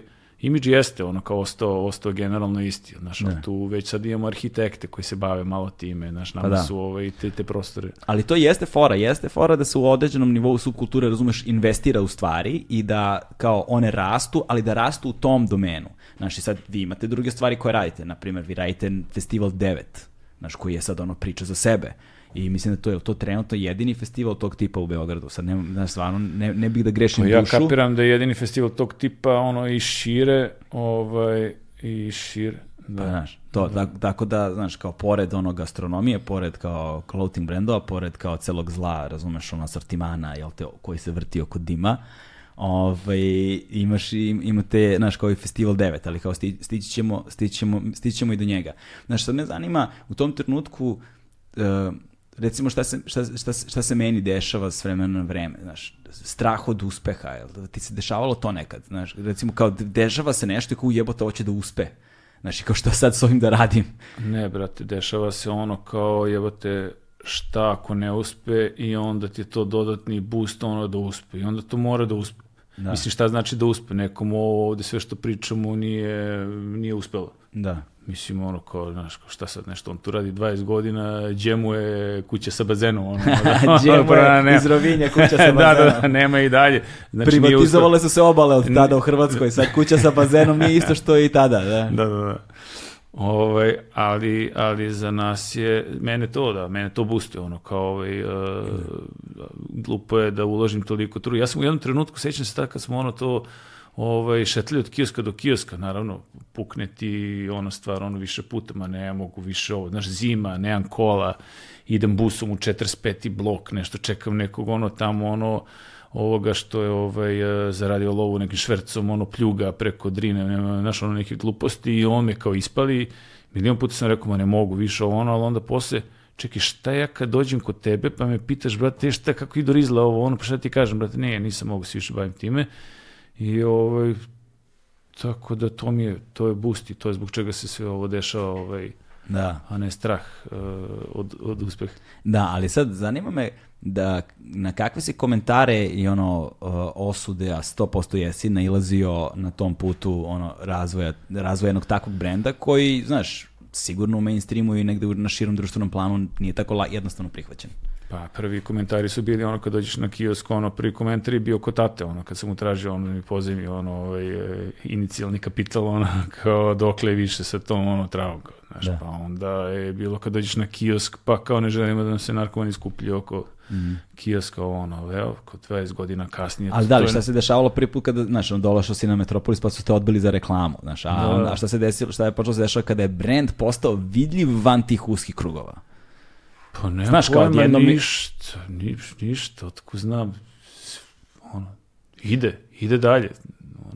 Normalno je meni, znaš, to se meni dešava 20 godina i onda je to razvodnjeno na nekako, ovaj, Da. nema, nema, nema razlike. Ili si ti možda oguglao i izgubio odnos prema tome? Pa da, sad samo ne nailazim toliko na, na ta neka zatvorena vrata ovaj, ko, na koje sam nailazio tada, jer ok, bilo su neke predrasude, bili smo 20 godina svi gluplji, Da. ovaj, danas je sve to nešto, pa čoveče, znaš ono ti danas kada dođeš kao veleprodavac na kiosk i ponudiš rizle, ovaj, ili kao kupac, ako hoćeš kupiš rizle, ova baba te pita ćete sa flopovima ili ne. Da. Razumeš da smo je mi naučili taj izraz, ono, pre 20 godina da flopovi postoje.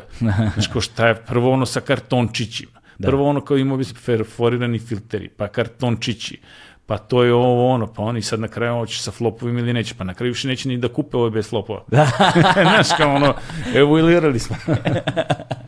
Da, sad se ono, kad, kad, ti, kad ti neko donese stotku bez flopova u fuzonu Da, si vrate, ono, da, mogao si da se da. potrudiš barem malo. to je baš ono, znaš, razočaraš se u sitnicu, razumeš? da, a tačno se sećam isto, ono, to, znaš, kao i sad mi im donosimo, ta konstrukcija, konstrukcija, ovaj, koliko se to promeni, znaš, koliko smo promenili naviku ovaj, čovekovu u, u rolanju ovde u, u Srbiji, ovaj, dolazimo eh, na kiosk i sad ovaj kaže, čekaj, ti meni nudiš neke rizle koje koštaju 200 dinara. Ja imam ove koje koštaju 100 uh, rizle, ali bez filtra. Znači ti meni karton naplaćuješ 100, neću ja da uzmem ovo. Da, da. I sad 20 godina kasnije, znaš, Da, neće da kupe bez. znaš, ko karton. Kako mala stvar, a mnogo znači. Mnogo znači, znaš. Sad znamo kako je situacija kad nema kartona. u propasti se Cepnu se lične karte. cepa. Sećaš se da je bio... Vi- vizitke se, ce, vizitke se cepaju, pa onda Ma mrziš ja onog znam što- onu ekipu koji su lične karte, one stare crvene, ono koji sečeš malo i kako se zove. Jo, ovaj, brate, ta ekipa je baš Da, da. loša ekipa. Jebi ga, ali mora se pohvali nečemu u društvu, kao brate, vi što sam uradio. pa je, Ove, znači, onda mrziš, mrziš one što prave, pla- prave plastificirane vizitke, razumiješ, Da, da, da, da. upotrebljive. to je uvek bilo, to je uvek bila drama. Ovaj, ali, uh, e sad, znaš, kako je izgledao trenutak, sad, vi ste, znaš, kao krenuli ste od Rizli, od trafike do trafike, išli ovamo, uh, znaš, pa te majice, pa kolabora, saradnje sa, jel te, bendovima, reperima, DJ-evima, pa, znaš, kao odjednom kao nekakva modna, mo- modni brand, pa, znaš, pa ste učestvovali u jednom trenutku na kao nedelji mode, nekoj, nekom fashion ti si Pa, učestvovao, brate, ti si učestvovao preko našeg brenda. I između ostalog, da. Da, ono, to je bilo, to je bilo super, ono, ovaj, kako se zove, ja dan danas volim da pogledam taj, taj, taj video, ima negde na, na YouTube-u kad ukucaš, ne, oni su nas skinuli sa video, video sa YouTube-a zbog uh, uh, uh, Redmanove pesme ili ne znam koja je bila ovo, Da, da. ono, jer je veća, ne, ono, Autorska autorska, prava. prava, da, je. i onda smo ga mi popeli na Vimeo ili tako nešto. Mhm. Ali ovaj, to, to je bilo simpatično kad je i kako, kako evoluira sve ovaj uh, uh, uh, uh, Fashion Week nas je zvao jer je osetio potrebu da malo izađe iz onog straighta u kome se nalazi i kao ajde sad malo da ubacimo i nešto street fashion, ovo, ono, neke street brendovi. Onda su zvali, tu ne mogu se setiti, ono, dva, tri brenda i ovaj, mi kao, aj što da ne. I sada ono, kao razmišljamo, kao jebate mi se kao zla zla na nedelji mode, a, to zvuči debilno, a da uradimo nešto, scenografiju, koreografiju, šta god, ono, neki show da napravimo, ono ko smo mi. I mi napravimo ovaj, e, napravimo show. Ali niko to nije znao, tu su došli ono zvanice, ono Fić Firić u prve redove, znaš, ono, kao tu su bile ono, naš kre, ovaj, kreature neverovatne. Da. I, ovaj, I sad kao odjednom, a naša scenografija je bila ono kao sve mrak, imaš ono video bim veliki pozadi gde smo projektovali tu nešto i na, na, na, na, na, ovaj, na catwalku su se nalazile kolica iz supermarketa, bezbol palica, blokovi napravljeni od slova ZLA kod nekog stiropora.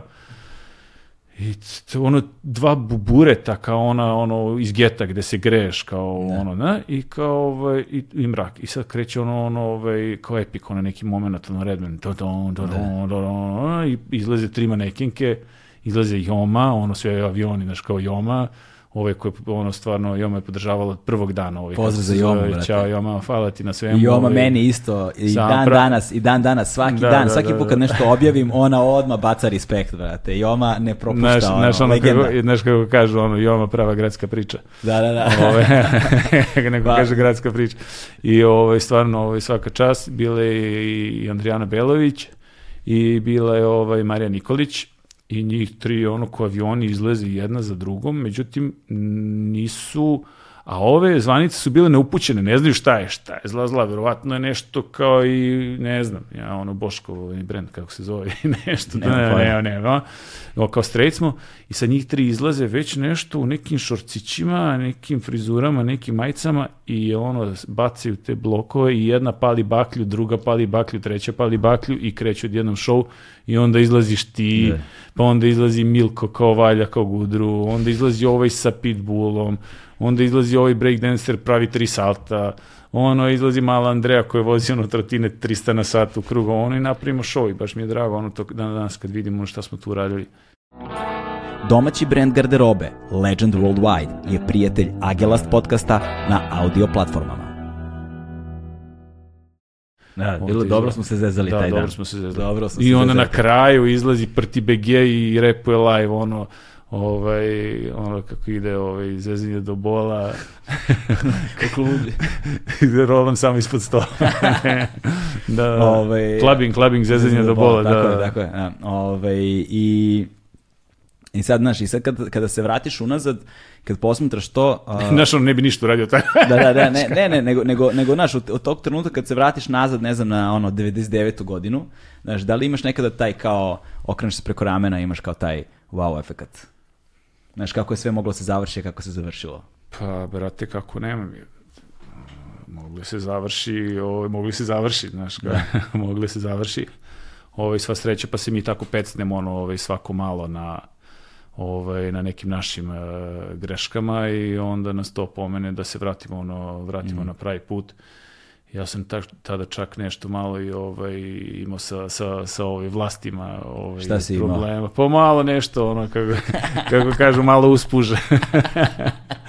malo uspuž, pa ovo ono, ali ovaj, to je sve nešto zbog čega sam ovaj, kako se zove, ovaj, uh, tu sred bombardovanja, ovaj, kako se zove, ja u nekoj Crnoj Gori, kao malo tamo, kao na, na, na ovom malo dužem odmoru, ovaj, zbog svega ovoga što danas otprilike u celom svetu, u većini sveta normalnih zemalja, ne pričam ono kao tamo ove ovaj dole zemlje gde ono ode glava, ali, ali gde je to normalno i legalno.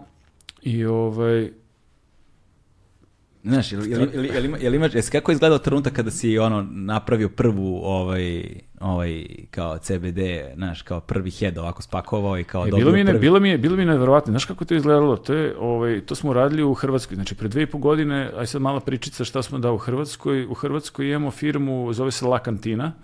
La Cantina je najveći lanac uh, uh, uh, franšizni i, i, i sopstveni lanac prodaje CBD-a putem uh, vending mašina. To jest nisu ni vending mašine, nego lokacije koje imaju vending mašine u sebi. Ti, na primjer, dođeš kod nas u La Cantinu, uđeš u lokal koji izgleda fantastično, Komar Marko Samarđić je dizajnirao taj, ono, ceo je obliven, ovaj, opkrojen nekim limom, ima LED diode, neonke crvene i ono baš je ono seksi.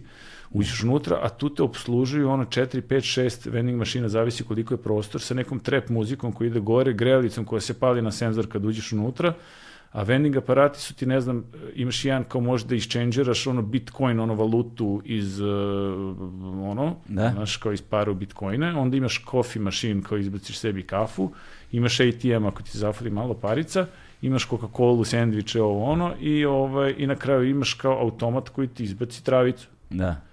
I ja, evo sad ja sad kad ti pričam to stvarno deluje, deluje neverovatno. Znaš, pritom nemaš ono nekog radnika koji će da te smara, nemaš ono neko, znaš kao ovo ono, i, i, i to, to, to, to počinjemo pre dve i po godine, bukvalno, prošlo, koliko traje korona, dve godine? Dve godine, Brate, počinjemo pre dve i po godine, bukvalno 15-20 dana pred lockdown u Hrvatskoj, gde su zatvorili ono sve lokale.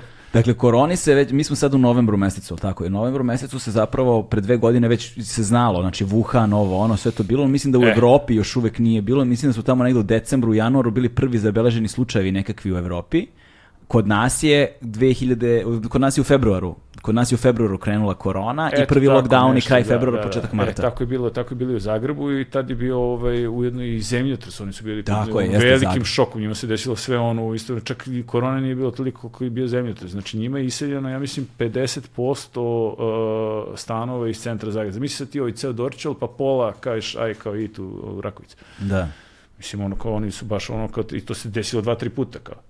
I ovaj, ja da se vratim na ovo i sad kao mi smo tu napravili ovaj, uh, ono, taj, taj koncept, a ideja je bila tako što se Ortak vratio iz Švice, video ovaj, uh, te nepsihoaktivne cvetove industrijske konoplje koji ne, ne, ne, ne, te ne naduvavaju, nego ono deluju opuštajuće i, i fino i predložio kao ajde čekaj ovde u, daj da počnemo ovde u Hrvatskoj to da radimo, ti znaš to kao zla zla, znaš kako on imaš nekog šmeka sa tim, ja sam bio u fazonu ono kao ajde super, ono kako se približavao ono od day on, ja sam bio u fazonu jebote sad radnici oglasi, pa sad arhitekta, pa gde će da stoji ovo, gde će stoji ono, ja sam bukvalno negde u, u životu video, ovaj, verovatno, u, u snu i onda sam se u snu probudio, ovaj, i onako jebote znam, ono, vending mašine. Da. I onda smo napravili ono ovaj franšiznu opciju, ti sad dođeš kod nas, evo imaš nekih, to je, bukvalno najbolja stvar na svetu, onako imaš ono kao, ovaj, znam zato što evo, skoro sam pitao tu za neke sladole, nešto mene zanimalo lično kao da, da, da, napravim, da kupim neku franšizu i kao neću više ja da izmišljam, ono dosta više izmišljam, znaš kao ja sad ću kupim neki raz, posao koji je razvijen. I ovaj, to je baš cifretina neka, središ lokal da, da, da opremiš sve ovo ono, a ovde za nekih dvadesetak somića ti ono dobiješ uh, travicu, dobiješ uh, know-how, dobiješ sve i, i, i, i vratiš pare za nekih godinu dana, bez zaposlenih. A jedini posao ti je ono tu 15 minuta, 20 minuta dnevno, uzmeš nešto, počistiš, naprskaš asepsole, malo podove, Da. ovaj, uzmeš siću, ovaj, to jest uzmeš, staviš unutra siću, uzmeš ovaj lovu ovaj, onako za, za, za kusur i napuniš robu. Mhm. I evo sad već imamo Split jedan, Rijeka jedan, uh, Dubrovnik jedan, u Zagrebu imamo tri i evo širimo se lagano. Lagano, la kantina. Lagano. Ovaj, e, I slogan nam je, slogan nam je tamo ono, ovaj, odatle, odatle sve krenulo, lagano. Da, La da, da. kantina, lagano. Da, da, da, da. E Da sad, se znaš, kao, sad da se vratim na ovo, kakav je osjećaj, razumeš, posle svega, razumeš i kao od ono 99. da ili sukoba sa vlastima, znaš, kao malo dužeg odmora zbog kao naš tih stvari i onda znaš celog tog razvojnog puta u, u busu se brate smrzavaš da ideš se nađeš nekim bivšim švercerom pljuga da mu zavaljaš rizle on te ispali na Novom Beogradu razumeš Ti ce- spalio me u 8 ujutru. Brate, ja sam morao da krenem iz centra u 7. Znaš, ti kad imaš 20 godina da ustaneš u 7, zimi, da ideš u 45. blok. Ja sam tada mislio neću više nikad radim ovo. da, da, to hoće kad imaš Ali sam, 20 izvini, godina izvini, ali sam tada i, i pio čaj posle toga onako, ono kao da malo se zgrem i rekao, brate Vanja, ako sada ono kao ne odustaneš, nećeš odustaneš nikad, ja nisam odustao nikad. Da. Ove, I onda se vratiš, uh, znaš, i onda staneš i kao, ka, u kom trenutku si imao prvi head u ruci? Da. Znaš. Ovaj, e, stiže roba, mi otvorili te, to je projektovali ovo, ono, te, te, te lokacije u Hrvatskoj i stiže roba iz A Španije. ste vi robu videli pre nego što je on Bili smo stigao? na netu, ono, Aha. to funkcioniše tako što ti vidiš ono, išli smo na sajam, pa smo sklopili ovaj, e, Gde je sajam? Sajam je bio, prvi na koji smo otišli je bio u Pragu. Evo, baš sam juče došao iz Praga. Juče sam sleteo ovaj, iz Praga, bio sam ponovno na tom sajmu posle dve godine, jer dve godine nije bio zbog korone. I to je ono, o, to je ogroman sajam. Mislim, ne znam, pogledajte na Instagramu, ono, zla, zla profilu ima ono u, gore u ovim, kako se zove, ono gore, gde su storiji koji ne nestaju, stavim, stavim mozak. Highlightsi. U highlightsima, evo. Ima storiji koji ne nestaju. A, Imaš to u je- highlightsima ovaj, kako se zove, ko, ko je to industrija i koliko je tu bilo. To je bilo preko ono jedno 200-300 izlagača i to su već uh, konzorcijumi, mislim, to, to su već multi, ono hol, holdinzi, ono od ne znam koliko kompanija, uzgajivača ono kao trave, ovaj pričamo i dalje pričamo ovaj jer u Evropi je legalna ista ova kao kao i ovdje industrijska konoplja sve vreme pričamo o industrijskoj konoplji Zapravo je legalna, uh, marihuana legalna samo u Holandiji, Portugalu. I samo nije de- legalna, de- nego dekri- ima ne, nešto dekriminalizovana. dek, jako dekriminalizovana, ovaj, a, a, a i u Americi. Da. I, i Da. u Kanadi, ili tako nešto. I Kanada mislim da ima neku foru, ali ne znam tačno kako je zakonski da, da. regulisano. Znaš, recimo Pa kao- mislim, regulisano je. Znaš, Pa to da. je ono pod broj jedan što je regulisano. Čak ni u Evropi nije ono totalno regulisano, ni ovde kod nas nije totalno regulisano, ali ovaj, ja stvarno mogu samo da kažem da te daj čoveče šta nije regulisano. Znači, ovo ovde ima isti efekat koji ovo, samo što ima bolji ukus sa one, možda je ovo kaktus, možda ne, Nije. nije. to ne može. da, da. ovaj, znaš, tako da ovaj, prvi, prvi kontakt sa time, prvi head koji nam je došao je bio, nakon sajma smo došli i, i sedeli u stanu kod ovog mog partnera iz Zagreba i javlja se kurirska služba, ono, ne znam, UPS i kaže, možete sići dole, stigao nam je, ovaj, znaš kako ti uvek cimaju da siđeš dole, ono, neće ti se popio na gajbu i mi sad kao siđemo dole i on daje paket i mi otvaramo na sred ulice, ono, brate, 5 kila, ono, headova. Znaš, to je ovakav paket, ima 5 kila headova i prvo ono kao gledaj levo desno, onda razmišlja i čeka ko ovo mogu da vidi. Znaš, i dalje, je i dan danas kad mi to stigne, i dan danas ono nešto tu mi nije, nije, nije okej. Imaš uslovni refleks, ono frko, vrat. Nešto, pa ne uslovni refleks frku, nego mislim, ono, ja ne mogu da svarim ono kada je to, ovaj, kako se zove. Da, da, znaš, ja sam bio u fazonu, mi kad smo se videli pre neki dan, pa si mi kao doneo kao evo ti, i ja kao stavim, e, kao strava, znaš, ono, kupiš, brate, dobiješ fiskalni račun, znaš, ja kao stavim u džep i idem ulicom nešto, blame, i, ovaj, I samo u jednom trenutku, posle ne znam, išao sam ono od tačke A, tačka B, nešto sam završavao po gradu, ne, nemam pojma, šetam se. I samo u jednom trenutku vraćam se kući i razmislim, jebote, zamisli sad da me zaustavi Murija. Razumeš? Mislim, nije neobično, ovako kao što Nije. sam ja vole da zaustave. Znaš, kao, i onda, znaš, zaustavi kao, ajde, kao da im, razumeš, da mi, na, da mi nađu i sad ti objasni, ti si mi ono poklonio, nemam ni fiskalni račun. Još si ga otvorio odmah, nemaš ni ovaj safety seal da, gore. nemam ni ovaj Vidiš, da, da. imaš ovde ovaj, da ti piše alibi. da. Znači, vidiš da ti piše alibi. Znači, ovde ti piše alibi, ako je neotvoreno ovaj uh, alibi. I ovde, ovde na etiketi imaš uh, izvod uh, člana iz zakona koji ti kaže uh, gajanje i promet industrijske konoplje, kanabis TVL, koji se drži ispod 0,3% THC u Republici Srbiji su dozvoljeni u skladu sa članom zakona o psihoaktivnim substancama, bla, bla, bla, bla. pravilnikom o uslovima za gajanje konoplje. Tako je, tako je, evo kolega je ovaj e, detaljista.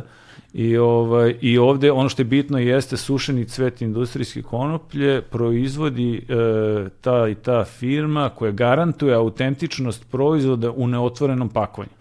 Znači ono što ste kupili unutra 100% je ok i legalno ukoliko je neotvoreno to jest ukoliko niste zamenili ovaj Da. e, za pravu robicu. Alibi. Ovde postoji čak, ovde postoji čak i lot broj koji garantuje da je taj cvet e, iz tog džaka sa te poljane gde bio poljoprivredni i ovaj i inspektor ministarstva unutrašnjih poslova koji je uzeo na analizu i, i ta analiza je povezana sa tim i analiza kaže da je unutra cvet industrijske konoplje Fedore 17 koji ima ispod 0,3% THC-a. Da. Kad kažem ono, ljudima je sada to ono nešto, procenti tamo, procenti vamo, on ne brataju. Uh, vutra koja se puši regularna, ovo mislim regularna, ovo kao THC, ima oko 15% pa nadalje, ovo je 0,3. Da. Znači nema ga. A, a kod nas je uglavnom 0,1, jer je to takva sorta koja se uzgaja u Srbiji. U Italiji je 0,6 i tamo su ono malo nabuđene sorte, onda imaš non stop frku s italijanima. Italijani su nemogući, mislim, oni su uvek nemogući. Znači, ono, pošaljeti, stigne nam u Hrvatsku, pošaljeti ono 0,6, kod njih je zakon 0,6, a znaš da možeš da imaš do 0,2. I sad nemaš drogu, a imaš drogu. Mislim, znaš, kao ne, ne radite, a možda robijaš, mislim. Da. Znaš, kao, onda zoveš italijana, pa perke, pa znaš, ono nešto mi objašnjava, ako može to, ba šta, brate, može, ono, kao, evo ti nazad, ono, kao vraći pare, znaš, ono, kada smo prestali šljakama s italijanima, jer su nemogući. Samo sa, švaj, sa švajcarcima, ono, low is the low. Da, da, da, švajcar, znači precizan ko švajcarski sat e, dobija novo značenje. I onda smo počeli da se igramo sa tim ono ovaj eh, headovima tamo u Zagrebu, ovaj na sred ulice, ono počeli da radimo marketing, prolaze prolaznici, ja držim otvoreni džak, oni gledaju, pa onda kao produže Mislim, i dan danas, znaš, mnogo je ljudi da bi se preko noći Da. prebacilo na novi, novi, novi način. Da. da. Ovaj, prolaze, pored toga gledaju i onda mi kao, izvolite, izvolite, ovo besplatno je za vas. Dobijete jedan ovaj, kako se zove, jedan like, jedan ono i cvet kao na sliku, pa ono kao ovaj. Uglavnom simpatično je raditi ovaj marketing sa, sa, sa, sa ovim proizvodom. Da, zato što, e sad, to, Lajkabilan je jako. ovaj, ima svoju marketinšku vrednost, definitivno. E sad, znaš, kao, uh, uh, uh, to ste počeli zapravo u Hrvatskoj prvo da radite, a? I onda ste se, onda, Da. e sad, kako je izgledao trenutak prebacivanja toga ovde, pošto to sad sigurno nije isto? Pa nije isto, zato što Mislim, u kako, Hrvatskoj... kakav, kakvi su zakoni u Hrvatskoj, kakvi su zakoni ovde? Sad malo- Razlikuju se, razlikuju se evropski, ra- razlikuju se evropski zakoni sa zakonima ovde u, u Srbiji. Ovde u Srbiji kaže baš zakon ovo što piše ovde na, na samoj teglici, da, da je dozvoljeno ovaj, gajenje industrijske konoplje, te sorte u tom uh, nivou uh, THC-a.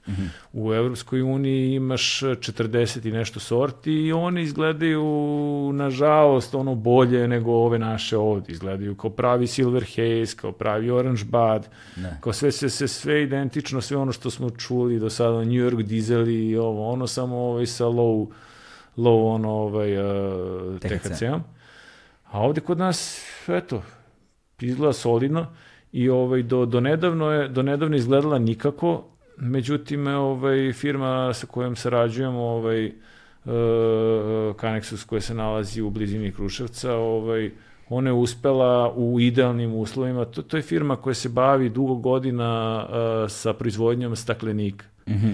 I oni su ovaj, ozbiljni i veliki i proizvode staklenike po, ne znam, eh, Emiratima, vamo, tamo, Holandiji, za pravljenje paradajza, za, za ovo, za ono. Mislim, jeftina radna snaga, verovatno. Ovaj, nije, nije moja firma, pa ne znam detalje, ali koliko poslujemo, ovaj, mi smo njihova, oni su prepoznali naš, eh, počeli su da se bave time, imali su mogućnosti da naprave uh, greenhouse uh, i indoor ono proizvodnju jer to, to je ono skupo ovaj, kod nas da se, da se napravi.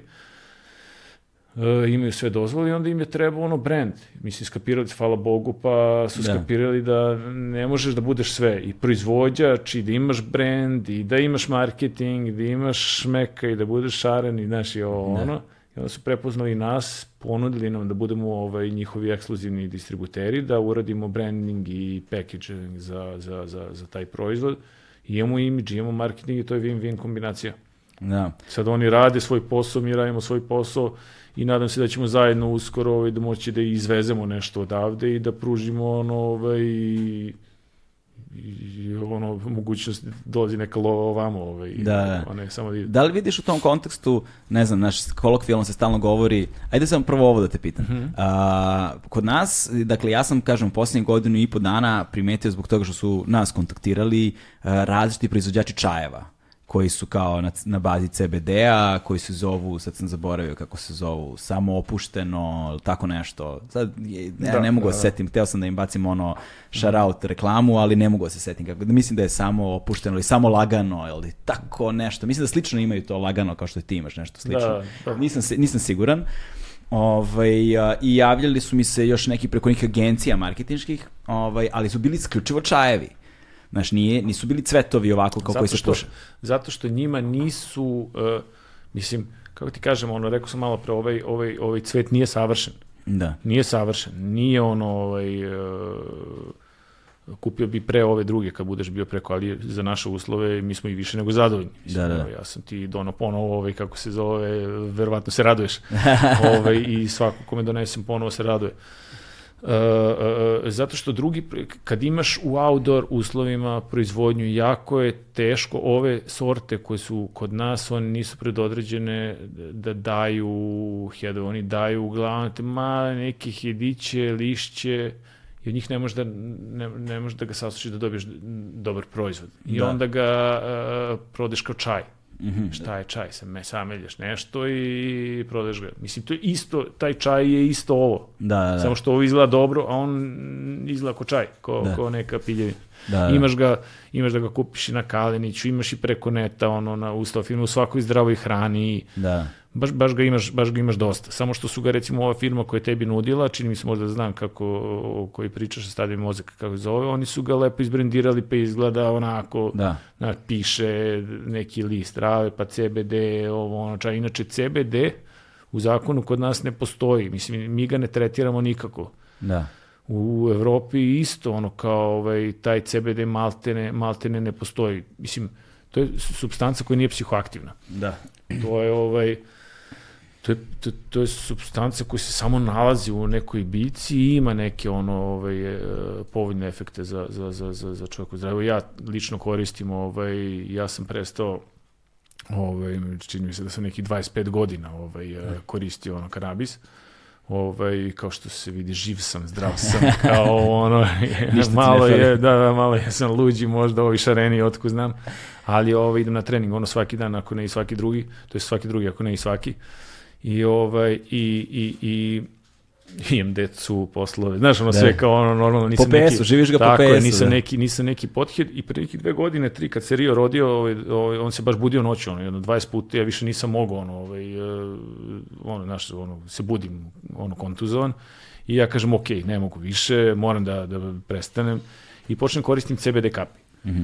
I od tada malo CBD kapi, malo ove CBD cvetove koji nemaju nikakav efekat, ali mi jako pomognu, držim san ono čvršće, Da. REM faza mi je ono jako čvrsta, samim tim odspavam jedno pola sata, sat kraće, mislim, znaš ti kad spavaš ono pola sata, sat kraće na dnevnom nivou, to na mesečnom nivou, ti imaš jedan dan živote više, Da. brate, znaš, to je 300 dana godišnje Mm. više, ovaj, zato što bolje spavam. Posle treninga ovaj, često imam u ormariću, ovaj, kako se zove dole u Sky Wellnessu, imam u, u, ovaj, u ormariću, imam jednu, jednu ovaj, eh, bočicu sa kapima, popim ono protein, istuširam se sve i onda nakapam, stavim jedno desetak, ono 15 kapi, on mi pomogne a, protivupalno i ono, ono Da, lakše, deluje, lakše. deluje an, antiinflamatorno i Tako je. pomaže za te procese Tako, sve. je, Da, kolega, da. uzeo si mi ovaj stručnu reči za Nemoj da brineš, zato, zato Da sam se i tu. ovaj, tako da, tako da to je, to je, to je priča oko toga, mislim, meni stvarno ono, malo to ono žao i kretenski što, što uopšte ono kao ovaj, čovječanstvo došlo do tog nivoa da mora priča o tome kao Pa da, mislim, to je ono sad ljudima možda nije jasno kao zašto sad mi ovde, ti i ja baš danas ovde pričamo, pričamo o tome i ovaj, možda je neophodno da ekspliciramo na neki način.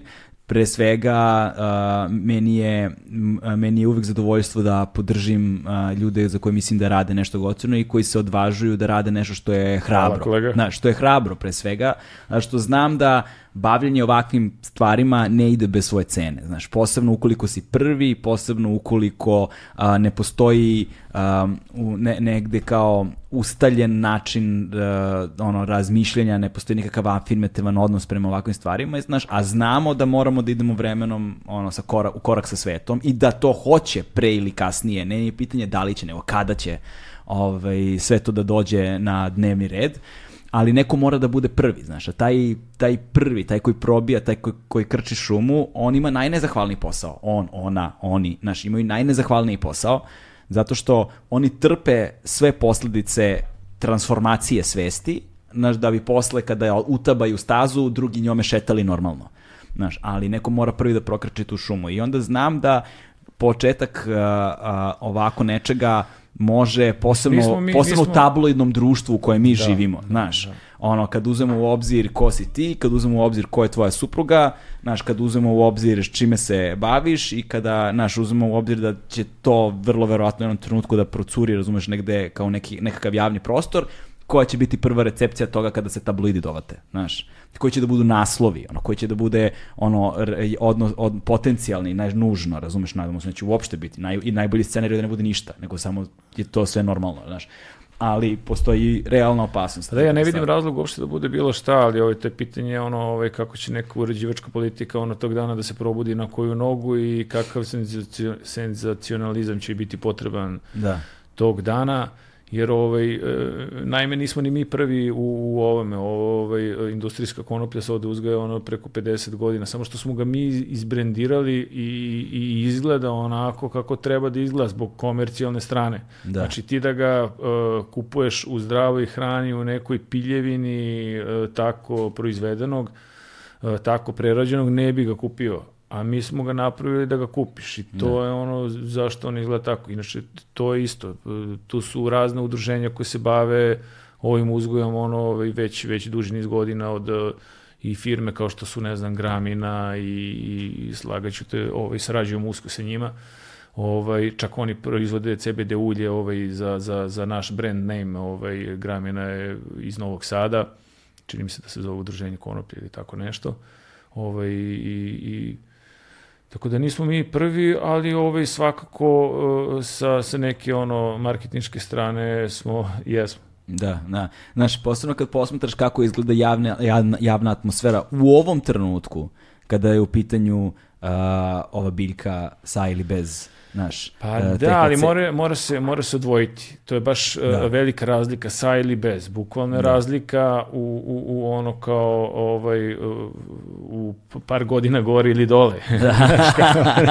Kao, ono kao ovaj, uh, Posebno što kod nas ne postoji klasifikacija kada govorimo o psihoaktivnim substancama. Dakle, da li imaš kod sebe heroin ili ono Da, THC, Da, dobro, to su, to su već ono druge budalaštine Da, gde, ali tako da ne ulazimo, da ne ulazimo sad u to.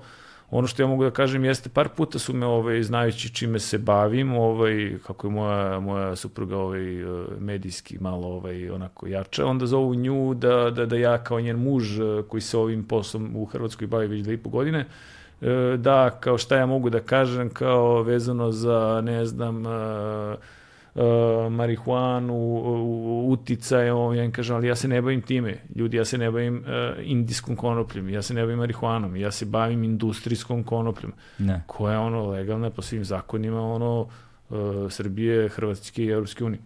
To.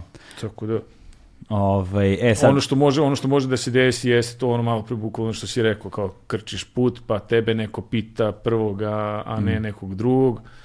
Pa ajde, bože moj, mislim tu sam, da kogod da me pita nešto, ti si me zvao prvi, pa si me pitao prvi, ovaj, Uh, ako bude neko pitao drugačije, doći ću kod tebe pa ću ti kažem, onaj, ovaj me pitao, ovaj me dirao, vrate, ovaj me dirao, dirao me na taj, na, na taj, taj način, odslužit ću ga.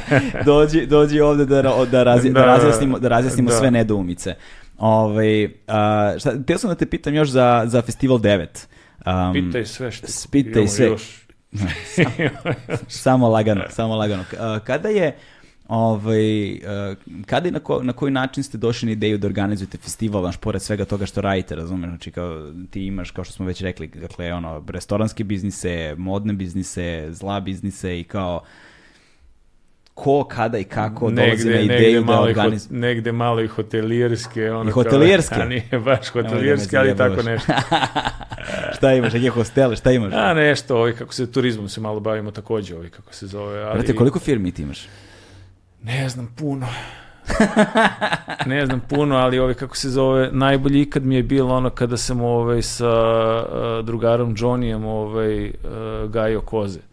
I to je najbolji posao ikada na svetu. Imali smo proizvodnju kozijeg sira na rudniku i to je bila banja. Znaš, ono, dođeš, koza, ne moraš se mučiti s nešto sa njom, ono, nešto ovaj proizvede tamo neki sir, za vikend malo odmorimo, ja u ponedjeljak spakujem ono u pick-upa ove, i te sireve, razvezem po restoranima, Ovaj srđivo sam sa svim ovim normalnim restoranima, ne znam, ovaj dijagonalom e, na ćošku, ovim onim, odnesem malo sir, popijem kaficu sa njima, ručam, onda opet u petak na planinu i ovaj to bi volao ponovo da radim, a ne ovaj pakao od preduzetništva i, i knjigovodstva i borba ono, sa vetrenjačama i carinama i tako to. Ove, a što se tiče devet, ono, to, je- to, je, to je festival koji smo radili iz ljubavi, nema nikakvu komercijalnu vrednost, to je nešto što smo, ono mi, ja i mojih tri ovaj, prijatelja, ovaj, svi su poznati u svojim sferama, Viktor Kiš, ovaj, svi ga dobro znamo, to je naš veliki umetnik, e, Dušan Kuzmanov, ovaj, gradska faca koji iz Urban Bug. Urban Bug e, i Ivan Milivojev, jedan e, od osnivača Exit festivala. Ovaj, osnovali smo ovaj, pre ne znam već koliko, 7-8 godina, a Jel si da, da, ima? 6-7 godina ima. Osnovali smo festival 9, 9 je inače umetnički festival koji ovaj, e, devet inače ime nastalo od toga što postoji devet vrsta lepih umetnosti, modernih, E, muzika, ples, strip, ovaj, sad da ne budem Da. da. neuk ovaj, pa da nešto zaboravim, ovaj, kako se zove, kao tri tačke. I, ovaj, I svake godine se dešava ovaj, na, na prostoru stare ciglane u Mm. Višnjici, Višnjičkoj banji, ispod ovog lešća tamo. Mhm. I ovaj, to je stvarno jedan divan festival. a Bili smo inspirisani ovaj, odlaskom, uh, oni su otišli godinu dana pre mene jer sam ja tada dobio dete, ali ovaj, sledeće godine sam se već pridružio odlaskom na Burning Man, ono festival u Neva- Nevadi. To je ono, to, to je ludilo. To je ono top. Znači, to je totalni art festival, ono, sa, sa ne, neizmernom količinom, ono, ovaj, e, muzičkih e, dešavanja, DJ-inga i tako. Mi smo ovaj, Znaš šta je fora kod Burning Mana? Ljudi koji znaju šta je Burning Man, ne treba im ništa govoriti o Burning Manu, bukvalno svaka sledeća reč je ono, jo, će ovi smaraju sad s Burning Manom, a ljudi koji ne znaju šta je Burning Man, ne možeš da im dočaraš šta je Burning Man. Znaš, to, bukvalno imaš dve ovako kategorije ljudi. Ljudi koji ne znaju ništa i ljudi koji znaju apsolutno sve što ne ima se zna. ovi, ovi ljudi što nisu bili na Burning Manu, oni ne znaju isto. Ovi, Ne. Šta je to, ja kad im pričam, kako, kad mi pitaju kako je bilo na Burning Manu, znaš, ono, svi to nešto kažu divno, bajno, sjajno. Nije, brate, sve divno, bajno, sjajno, ali to je to što ti to kad ti je bajno, sjajno, da ono, ovaj, da ti ono bude deset puta bolje, Pa bajnije. ispričaj šta je, šta je, Pa, brate, kako je iskustvo Burning Man? Burning Man je iskustvo... Ovaj, Sve ispričaj, ajde, kako dođeš, gde ideš, Brate, kako to izgleda, znači, sve nam opiši. Prvo nama je jako teško, ono iz Evrope, pogotovo iz ovih nekih pripizdina gde mi živimo, sad dođeš nekim avionom u, u Ameriku. Da. Već dok si došao do tamo si već ono preživao tri festivala našao usput ono i potrošio tri puta više para nego onaj tamo Amerikanac koji je tu negde blizu koji je otišao na izlet kao mi u Novi Sad, kao iz Da. Beograda. I ovaj, onda smo ovaj, došli, bila tu ekipa od nas 5-6 ljudi. Ovaj, Gde ste bili, gde ste došli? Mi smo došli u, u LA, Mhm. uh, ne, uh, u San Francisco, Mhm. sletili smo u San Francisco, ovaj, ja sam došao ono, dva, tri dana kasnije, oni su ovaj, moma, moj veliki prijatelj ovaj, moj uh, dragi ovaj, partner u Bistro grad, ovaj, već uzeo školski, je otišao uzeo RV, ono velike, one koji se na dugme otvori, digne se, ono sve, i bilo je ono predviđeno za nas šest unutra. Ovaj, uh, RV, to je recreational RV, vehicle. Recreational vehicle. To je ono kamper, kamper, kamper, da, da, to. da. I ovaj, stvarno je bio dobar i tu smo živjeli nas šest ono narednih ono 20 dana ovaj, u, u njemu i proputovali smo od San Francisco skroz dole do do LA-a i to smo išli ovaj uključujući i ovaj i pustinju. Ovaj um, gdje se održava, to je Black Rock City. To je Black Rock City je city koji ne postoji. Znači on se formira, vi kad ga ukucate sad na Google, on postoji, ali on ne postoji. Nema, tu, tu, nema, to, je, to je pustinja koja nema ništa. Znači dođe sve za tih 7-8 dana koliko traje festival i ode sve.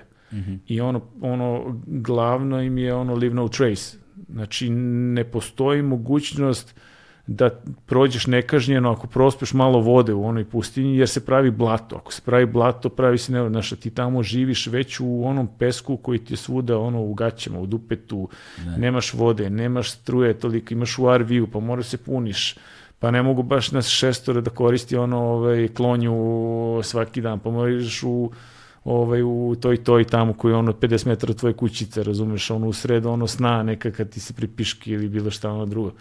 Tako da to je, onda smo mi došli ovaj, u, u ovaj, i, i prošli ceo taj A1, ono, to, to, to je ludilo. Znači, kada RVM prođeš sve te kampove, ovaj, mi, tu naša priroda, ja sam nekad mislio to kao Amerika, kao to, kao to New York, to, to kao gradovi, to, to geto, ono, Amerika je priroda, taka priroda koja je ono ludilo, koja ono ne postoji. Mm. Znači, mi smo se nalazili, ono, dođemo u 11 uveče u neki nacionalni park uh, kao u kamp i kao mrak oko tebe ovaj nas smesti kao ovo ako to je tvoja parcela, tu ti struje, tu ti voda, ovo ono i onda se probudiš ti ono u 6 ujutro, otvoriš vrata u darbi, pogledaš ono sekvoja sine ono 100 metara neka, a dabar se brčka tu u nekom potoku, a znaš ono kao ludilo. I onda smo ovaj... e, Nemoj tako, evo mi ovde dabrove. imamo, imamo kobre. Dobre. I ovaj, onda, smo, onda smo otišli, ovaj, ušli u, u, u pustinju, u Nevadu. To je onako baš, to je stvarno jedna posebna stvar. Ti imaš uh, uh, kilometarske kolone vozila koje u isto vreme ulaze u pustinju i svi su uviđajni, ne voze više od 20 jer se diže prevelika prašina. Imaš na ulazu u pustinji ovaj kako se zove, na ulazu imaš gole ljude koji te dočekuju ovaj kao i zagrlete onako, onako malo, e, mislim ok, nisu ono savršene, ovaj, su srdačni zagrleti kao welcome home, znaš, a onda sledeći moment ti moraš da legneš dole da se povaljaš po onoj pršini da se zaprljaš, jer nema ti više čistoća. Da. I to je to ono, ima možda Jay-Z i meni ne, nema ni njima koji ono slete ovaj, koji slete ono direktno avionom u pustinju i onda kao ono sa onim nekim vozilom njihovim odu u kamp, u kamp. Kad kažemo kamp, tamo postoji ne znam koliko desetina kampova koji su uh, dobili mogućnost da unutar Burning Mana Mhm. velikog organizuju svoje kampove koji će imati svoje RV-eve. Da. Mi smo bili uh, u kampu koji se zvao Hagzila, to je ono kolega Hagzila. Hagzila, da, i ovaj, to je bilo milion ono malih meda, ovih plišanih meda u tom kampu. I to je ovaj, bio kolega koji živi, ja mislim u San Francisku, on je bio vlasnik kampa i dan danas je ovaj, eh, poreklom iz Crne Gore. Znaš, ono, nevrovatni, svira neke bubnjeve, neki tam tamo, ono, znaš. I, Crnogorac ovaj, na da, i onda su se, a? ori, o, da, da, originalno smo se skupili tu. Kako tu, se zove brat da ga pozdravimo? Uh, Martinetti, Ivo, Ivo se Ivo zove, se zove. Ivo se zove, si Pozdrav Ivo? za brata Pa- Iva koji drži Da, da, da. kamp na Burning Manu. Ivo je veliki kralj, ovaj, a tu, tu, tu se skupila ekipa ovaj, iz cele XU, ono, tu je bilo on nekih i bosanaca i ovih i onih i albanaca i svašta nešto, valjda organski nekako smo se mi tu namestili bolje s, sa svojim nego, ovaj, i to je neviđena energija, a ovaj, kad dođeš, i teško je, kad dođeš, ono, zamisli sad ovde, ono, odeš negde na partiji, da. taksi te dočeka, odeš tamo, ideš u VIP, imaš ono, piješ ovo, piješ ono, sve para može da kupi. Na Burning Manu ne postoji novac, ne postoji moneta, tamo nemaš ništa da kupiš. Da. Možeš samo da dobiješ za džabe, što i dobiješ, možda i jedeš, za- ili ono što si ponos sa sobom u pustinju i da, deliš sa, sa svim. I ovaj... I Totalni posle- hippie moment. ono. Tako je, ali ovaj, mislim, ok, postoje ti kampovi neki gde ono platiš i ulaz, mi smo u ovaj kamp za naš RV platili možda ulaz 500 ili so, ne, ne, nešto tako, ovaj, za, za, za RV ili po glavi nešto 100, 200, 300, ne, nije jeftin kao ono na našem nivou, ali imaš i one kampove gde platiš ulaz 10, 20 soma ono dolara, pa imaš ono Michelin uh, šefove, ono kao koji ti kuvaju tamo nešto, znaš tu ono dolaze uglavnom ono Russians i, i tako neka ekipa, pa jedno su im ovi iz Burning Mana kao original, da su ono nešto zapalili, neki kamp, nešto, kao ne možeš to da radiš, brate, baš. Znaš, nemaš toliko glam da budeš onako u pustinji.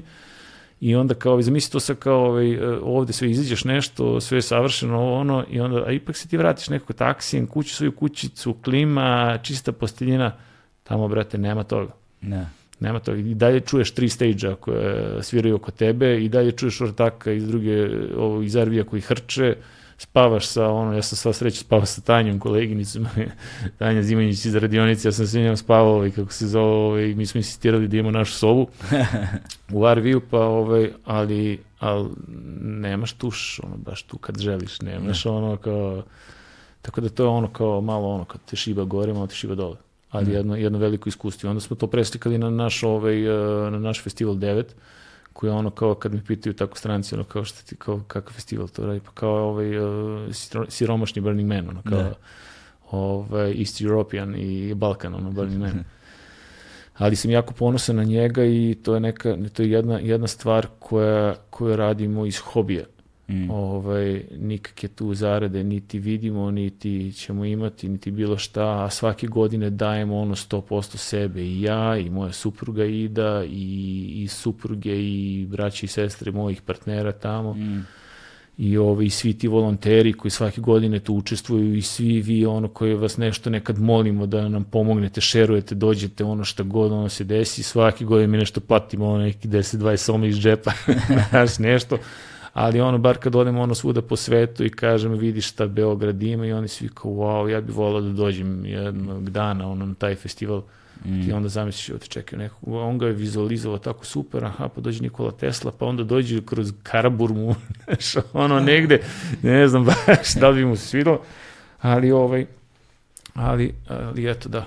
Ne, ovaj, fascinantno je u, u tome što, uh, znaš, tu smo, ono, iz Beograda smo, i zanimljivo je kako zapravo Beograd nikada, u Beogradu nikada nije zaživala u potpunosti festivalska uh, kultura. Dakle, mi imamo, sad, da sad ogradimo na šta mislimo, dakle, mi imamo festivale pozorišne, imamo filmske festivale, imamo različite festivale iz od drugih oblasti kulture i tako Mislim dalje. da nikad nismo napravili exit. Pa ne samo Exit, znaš, ti imaš Arsenal, imaš Exit, imaš Nišvil, imaš gomilu muzičkih festivala svuda po Srbiji, znaš, imaš ih, ali festival, festivali obično nisu u glavnim gradovima, znaš, i Roskilde je 30 km zapadno od Kopenhagena, i Glastonbury nije u Londonu, znaš, i tako dalje, znači, festivali su uvek negde izmešteni iz velikih urbanih centara, prosto logistički, infrastrukturno zagađenje, zvučno zagađenje i tako dalje, nije praktično. Exit je izuzetak u tom kontekstu jer se nalazi u Novom Sadu, ali je na Petrovaradinskoj tvrđavi, opet je nekako u gradu, ali i van grada. Istovremeno i jedno i drugo. Ovaj, i ima taj kontekst kulturne baštine koji mnogi drugi festivali nemaju, obično su nekim livadama, ono, i kao, znaš, ne znam, Siget u Onda, Mađarskoj ona i šta ti ja pozicija znam. exita je neverovatna. Da, pozicija Ono ludilo, da. pozicija exita je zaista ono, to je surova ekskluziva i ljudi koji su putovali po festivalima malo u svetu, jasno im je da to što se na Kako to ono katakombe. Pa kako ne znaš ovo, bre, kako se zove to gasera, ono haski jazavca, kad ima ono, znaš, ono sve nešto mudro i priča da sve neke bisere i onda stoji ovako i kaže, da, brate, to je ono kad sam se, ovaj, uđeš kroz katakombu i izađeš direktno na main stage iza Nina Kravice.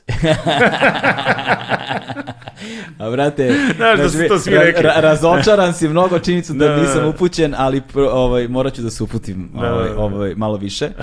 A, kažem ti, propustio sam ceo taj Ne ne moment ne u, u kulturi, pa mi naš, možda se mi naletao, ali mi ne nije, znači. nije ovo Da. gaserski, ovo je, ovaj, ali ne veze. E, i ov... Možda sam samo ja, ono, kao, možda samo meni zabavno. o, možda sam više na strani tvoje supruge. Radili smo majice, da, jesi. Da, Ovaj, da jesi, nema greške, jesi. Kažem ti, ali poenta je, festivali su uvek negde izmešteni, dakle, iz tih velikih urbanih centara, iz, veliki, iz, iz gradskih sredina, I mi smo ovde imali pokušaja različitih festivala, dakle, ne znam, od Belgrade Callinga preko, a, kako se zvao onaj festival što je bio jedne godine samo elektronski, na, M nešto što... Na Adi, na, ovaj, na Ušću. Na ušću, da. Jeste, da. nešto se, kako se to zvalo, to je nešto, veze imalo neka svojom ekipom iz Exita, ne mogu setim šta je bilo, pa onda, bilo je gomila nekih, bilo je i 90-ih i prvih 2000-ih i ovo je moj grad festival i ne znam, i tamo Pećina i ovi oni su imali neke svoje festivale i stalno se nešto kao dešavalo. I to izdrži godinu, dve, tri, bio je onaj nesrećni, kako se zvao festival, jel? Eho, Eho, festival na... Se sećaš toga, brate? Stvarno je. Da, kad su bili ono Morčiba, Sonic Youth, jebote, znaš, David Byrne, znaš, baš je ono bio preozbiljan line-up. Ovaj, ali, ali to je bila isto neki rip-off Moramo pomenemo, moramo pomenemo i Share. Share, da, da, Share je bila konferencija koja se Da, posle ali pretvorila u fondaciju. Ali da, ali ovaj... Da, nije nikad, znaš, ali on je opet bio kao ti neki drugi gradski festivali koji su i ranije postojali, rasparčan na više lokacija, jer ne može grad da podnese da je sve na jednom mestu. Znaš, niti imamo prostore, niti imamo infrastrukturu i tako dalje. I onda je sve to negde, Med, Med se zvao festival na Med, tako, da. Imali e. su, ja mislim, čak prvi su ovaj, do, Ne, imali boil- samo jedan. boiler, boiler Room. Tako Bro. Boiler Room prvi je tamo bio, tako da. jeste, jeste. Tijana T, je tako bila? Ja mislim da je ona bila na tom Boiler Roomu ili... Da, neću na, da grešim na dušu. početcima svojih lansiranja. ono, Da, neću grešim dušu, možda sam pogrešio, ali čini mi se da jeste. Ja. Ovaj, e, i, i, i, i, i nekako desi se ceo hype, znaš, organizuje se na ne, nekako uspeju da organizuju festival, onda živi jedno izdanje, eventualno dva, tri maksimum i kraj. Znaš, i ovaj, činjenica da devet u tom kontekstu postoji, ali opet niste, niste u centru grada, ono što su mnogi pretendovali da budu u tim, u tim zonama centra gde se ljudi okupljaju, da li je to, ne znam, ono, od Ratnog ostrva, od tamo od Zemuna preko Ušća na Novom Beogradu ili tako nešto. Ovaj, a, vi ste uspeli da, da, da se održite, do duše Beer Fest postoji, Znaš, pa jeste, jebi ga, ne mogu da kažem, razumeš, znaš, mo- mora, znaš, nije, nije, mada je njegova priroda sasvim drugačija. Ipak je- Imaš sad i ovaj novi fest, kako se zove sad što je bio ovaj, uporedo sa Beer Festom. Ovaj. Ne znam, šta je sad bilo? Pa da su bili svi, šta je ti, bilo? ko, Jale, Bube i ti, kako se zovu. A, Su bili oni ili nisu, ali, ali ta trap muzika, da... na, ne znam to, vidiš, nisam upućen u to. Pa da, verovatno. Propuštam, ovaj, vidim, da, izgleda i viš ima da, ogromne rupe u znanju kada se, što se tiče tih savremenijih nekih. Nisam, Ne znam, ali upravo si to ono, kao mene isto loži ono kao taj moment uh, odlaska negde van grada na neki festival, a, a Novi Sad je idealna ono destinacija jer ima ono kao nije to neka poljana, ima tu neku infrastrukturu, može da se desi i hotel, može se desi i neki restoran, može se desi nešto ono i tu je na idealnoj daljini ono kao sat vremena. Da, da, za nas Beograđane. Za nas Beograđan, Da. tako je. Da, da. Za nas Beograđane negde, ka, da, da, negde je to kao Novi Sad idealna destinacija i opet kažem i svi ti drugi festivali koji postoje opet ne nude neki preterani dru- dru- uh, umetnički sadržaj drugačijeg tipa ili nešto alternativnije, nešto subverzivnije, uh, nešto što nije samo muzika u tom kontekstu, dakle Sherry, Nešto, nešto što nije ono, dođeš, ha, na poljana, tamo je šank, Da. tamo je stage, eno, lerdi tamo, to i to i tamo i kao ono imaš sve.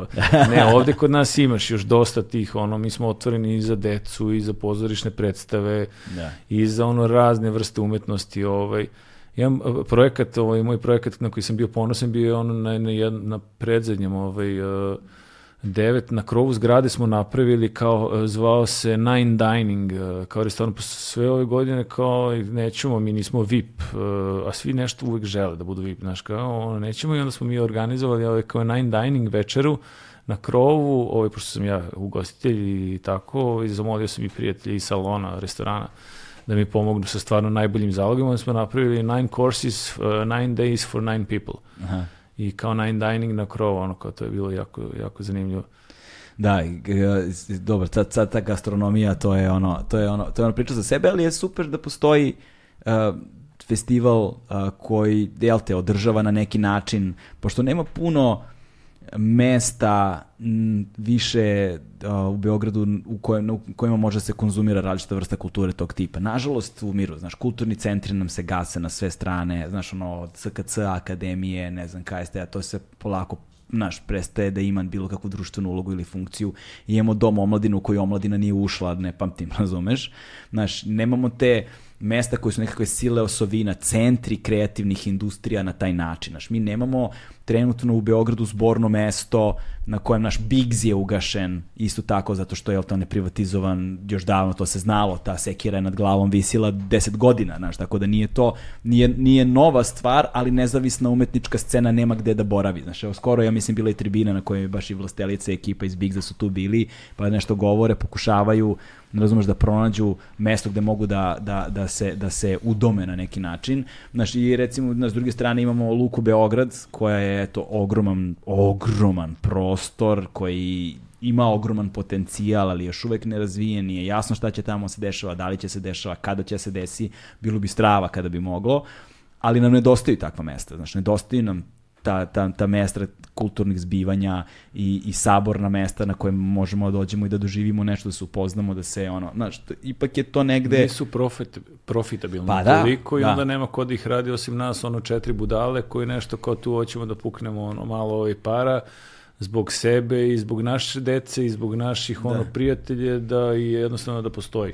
Mm. Ovaj, i svaka čast stvarno i na ono ovaj, i sam sebi ono skidam kapu što sam uspeo ovoliko godina ono stvarno da ovaj, ne kažem ono što, što ja radim ovo. Da. Ali eto, kad god se nešto približi, ovaj prošle godine sam napravio jednu malu pauzu, ovaj, jer e, Korona. pa pre toga je bila korona u stvari, a prošlu godinu sam ovaj, kako menjam ono ovaj bazu Beograd Zagreb, Mm. nešto pa zbog dečice, ali ali volio bi dalje da, da, da budem ovaj tu. Kako izgleda život na potezu Beograd-Zagreb, ha? Pa, brate, znam svaku rupu ovaj, na autoputu, znam ono svaku, ovi me znaju ovaj, na benzinskim pumpama ovaj, jako dobro, već se poznajemo, družimo se pod slavama i tako to. Ovaj, mislim, ok, jedini problem je tu što je ono malo ovaj, ta granica, ono te smori nešto, ono tu pola sata izgubiš ono ovaj, neko vreme dok staneš, pa dok te pita, pa tri aut, pa ovo, pa sad još korona dokumenti, ovo ono. Ovaj, I to što je ono samo pravo i što je ono poligon za mušice. Ono, ne, ja ne znam, možda jedino u Mađarskoj, ono, kad ideš ono tim autoputem, ono, imaš više mušica, ali ovo je nevjerojatno. I ovaj, genocid, ono. I kako se zove... Ali, Genocid ali, nad insektima. da, da, da. Insektocid. Ali, ovaj, ok, živeti, to jest ta relacija, Mhm. blizu je. Da. Samo, znaš, ono, negde bi to ono u nekoj Da, zapadnoj ide deci do Evropi- školu. Idu u Zagrebu u školu, ovaj, jedan idu u vrtić, ovaj drugi idu u školu, ovaj, desilo se sticam okolnosti ovaj, da, da, da idu tamo, jako su zadovoljni, jako su srećni i ja sam srećan što su oni srećni, a pogotovo što mi je ovaj, supruga srećna, on ima puno posla tamo, Da. tamo je ovaj, uh, mislim ovde tek svi vole i svi zovu, ali tamo i između ostalog ima i posla. Da, da. Ovaj, konkretno za nju u njenoj nekoj ovaj, sferi ovaj, u kojoj radi. Ja sam tamo napravio isto svoj neki poslić i ovaj, nekako smo skapirali taj Zagreb kao ok, to je mesto za odgajanje dece i on nešto ko ono malo tu A kao Beograd da je se- za rave. Znaš, i ono što je dobro jeste ti ono što da je ono dođeš ono posle 10 dana, 15, ma malo odmoriš tamo, znaš, ja dođem direktno ovaj kao pojavim se u bistrovu, znaš, sad tamo ono spavam, ne znam, u 10, treniram u 6, znaš, vozim decu u školu u 8, ne, ono sve jedem kada treba. Pojavim se ovde, figa, kako si, ono, kako izgledaš kao, ono, posle Sveže. 3-4, posle 3-4 dana krene, ono, znaš, ono, u 12 u podne, može rakija, znaš, kao, ono, rakija, pa dođeš kući sledeći dan i tako, toga nema tamo. Toga nema tamo, ali dobro je što ga nema. Dobre, dobre su opcije. Napravio si balans i fizički si podelio na dva sveta, a? Pa da. Dobro, Kućo, ovaj, a, da, hvala ti e, još jednom, dakle, što si, što, si, što si došao i drago mi je ono da si tu, da postojiš, da se baviš gomilom stvari i ovaj, hvala ti što praviš prvi korak odvažan u jedno nepoznato polje koje se nadamo da će nam otvoriti put ka jednoj ono, savremenijoj budućnosti, ja? Hvala tebi što si zvao i ovaj, kolegi što gledaju. Nadam se da nije bilo pre, pre dosadno. Ovaj, Biće zanimljivije sledeći put. Jevi ga prvi intervju. Prvi intervju, ali muški, vrate, dve čuke laganica, a? Sad ćemo da vidimo, sad ćemo da vidimo za, za par dana ako, ako me nema. Evo, pusti se. Hvala vrate, ti, ljubite, brat. Da. Ljubi, brat, budi dobro, stigli smo do kraja. Ćao. Ćao.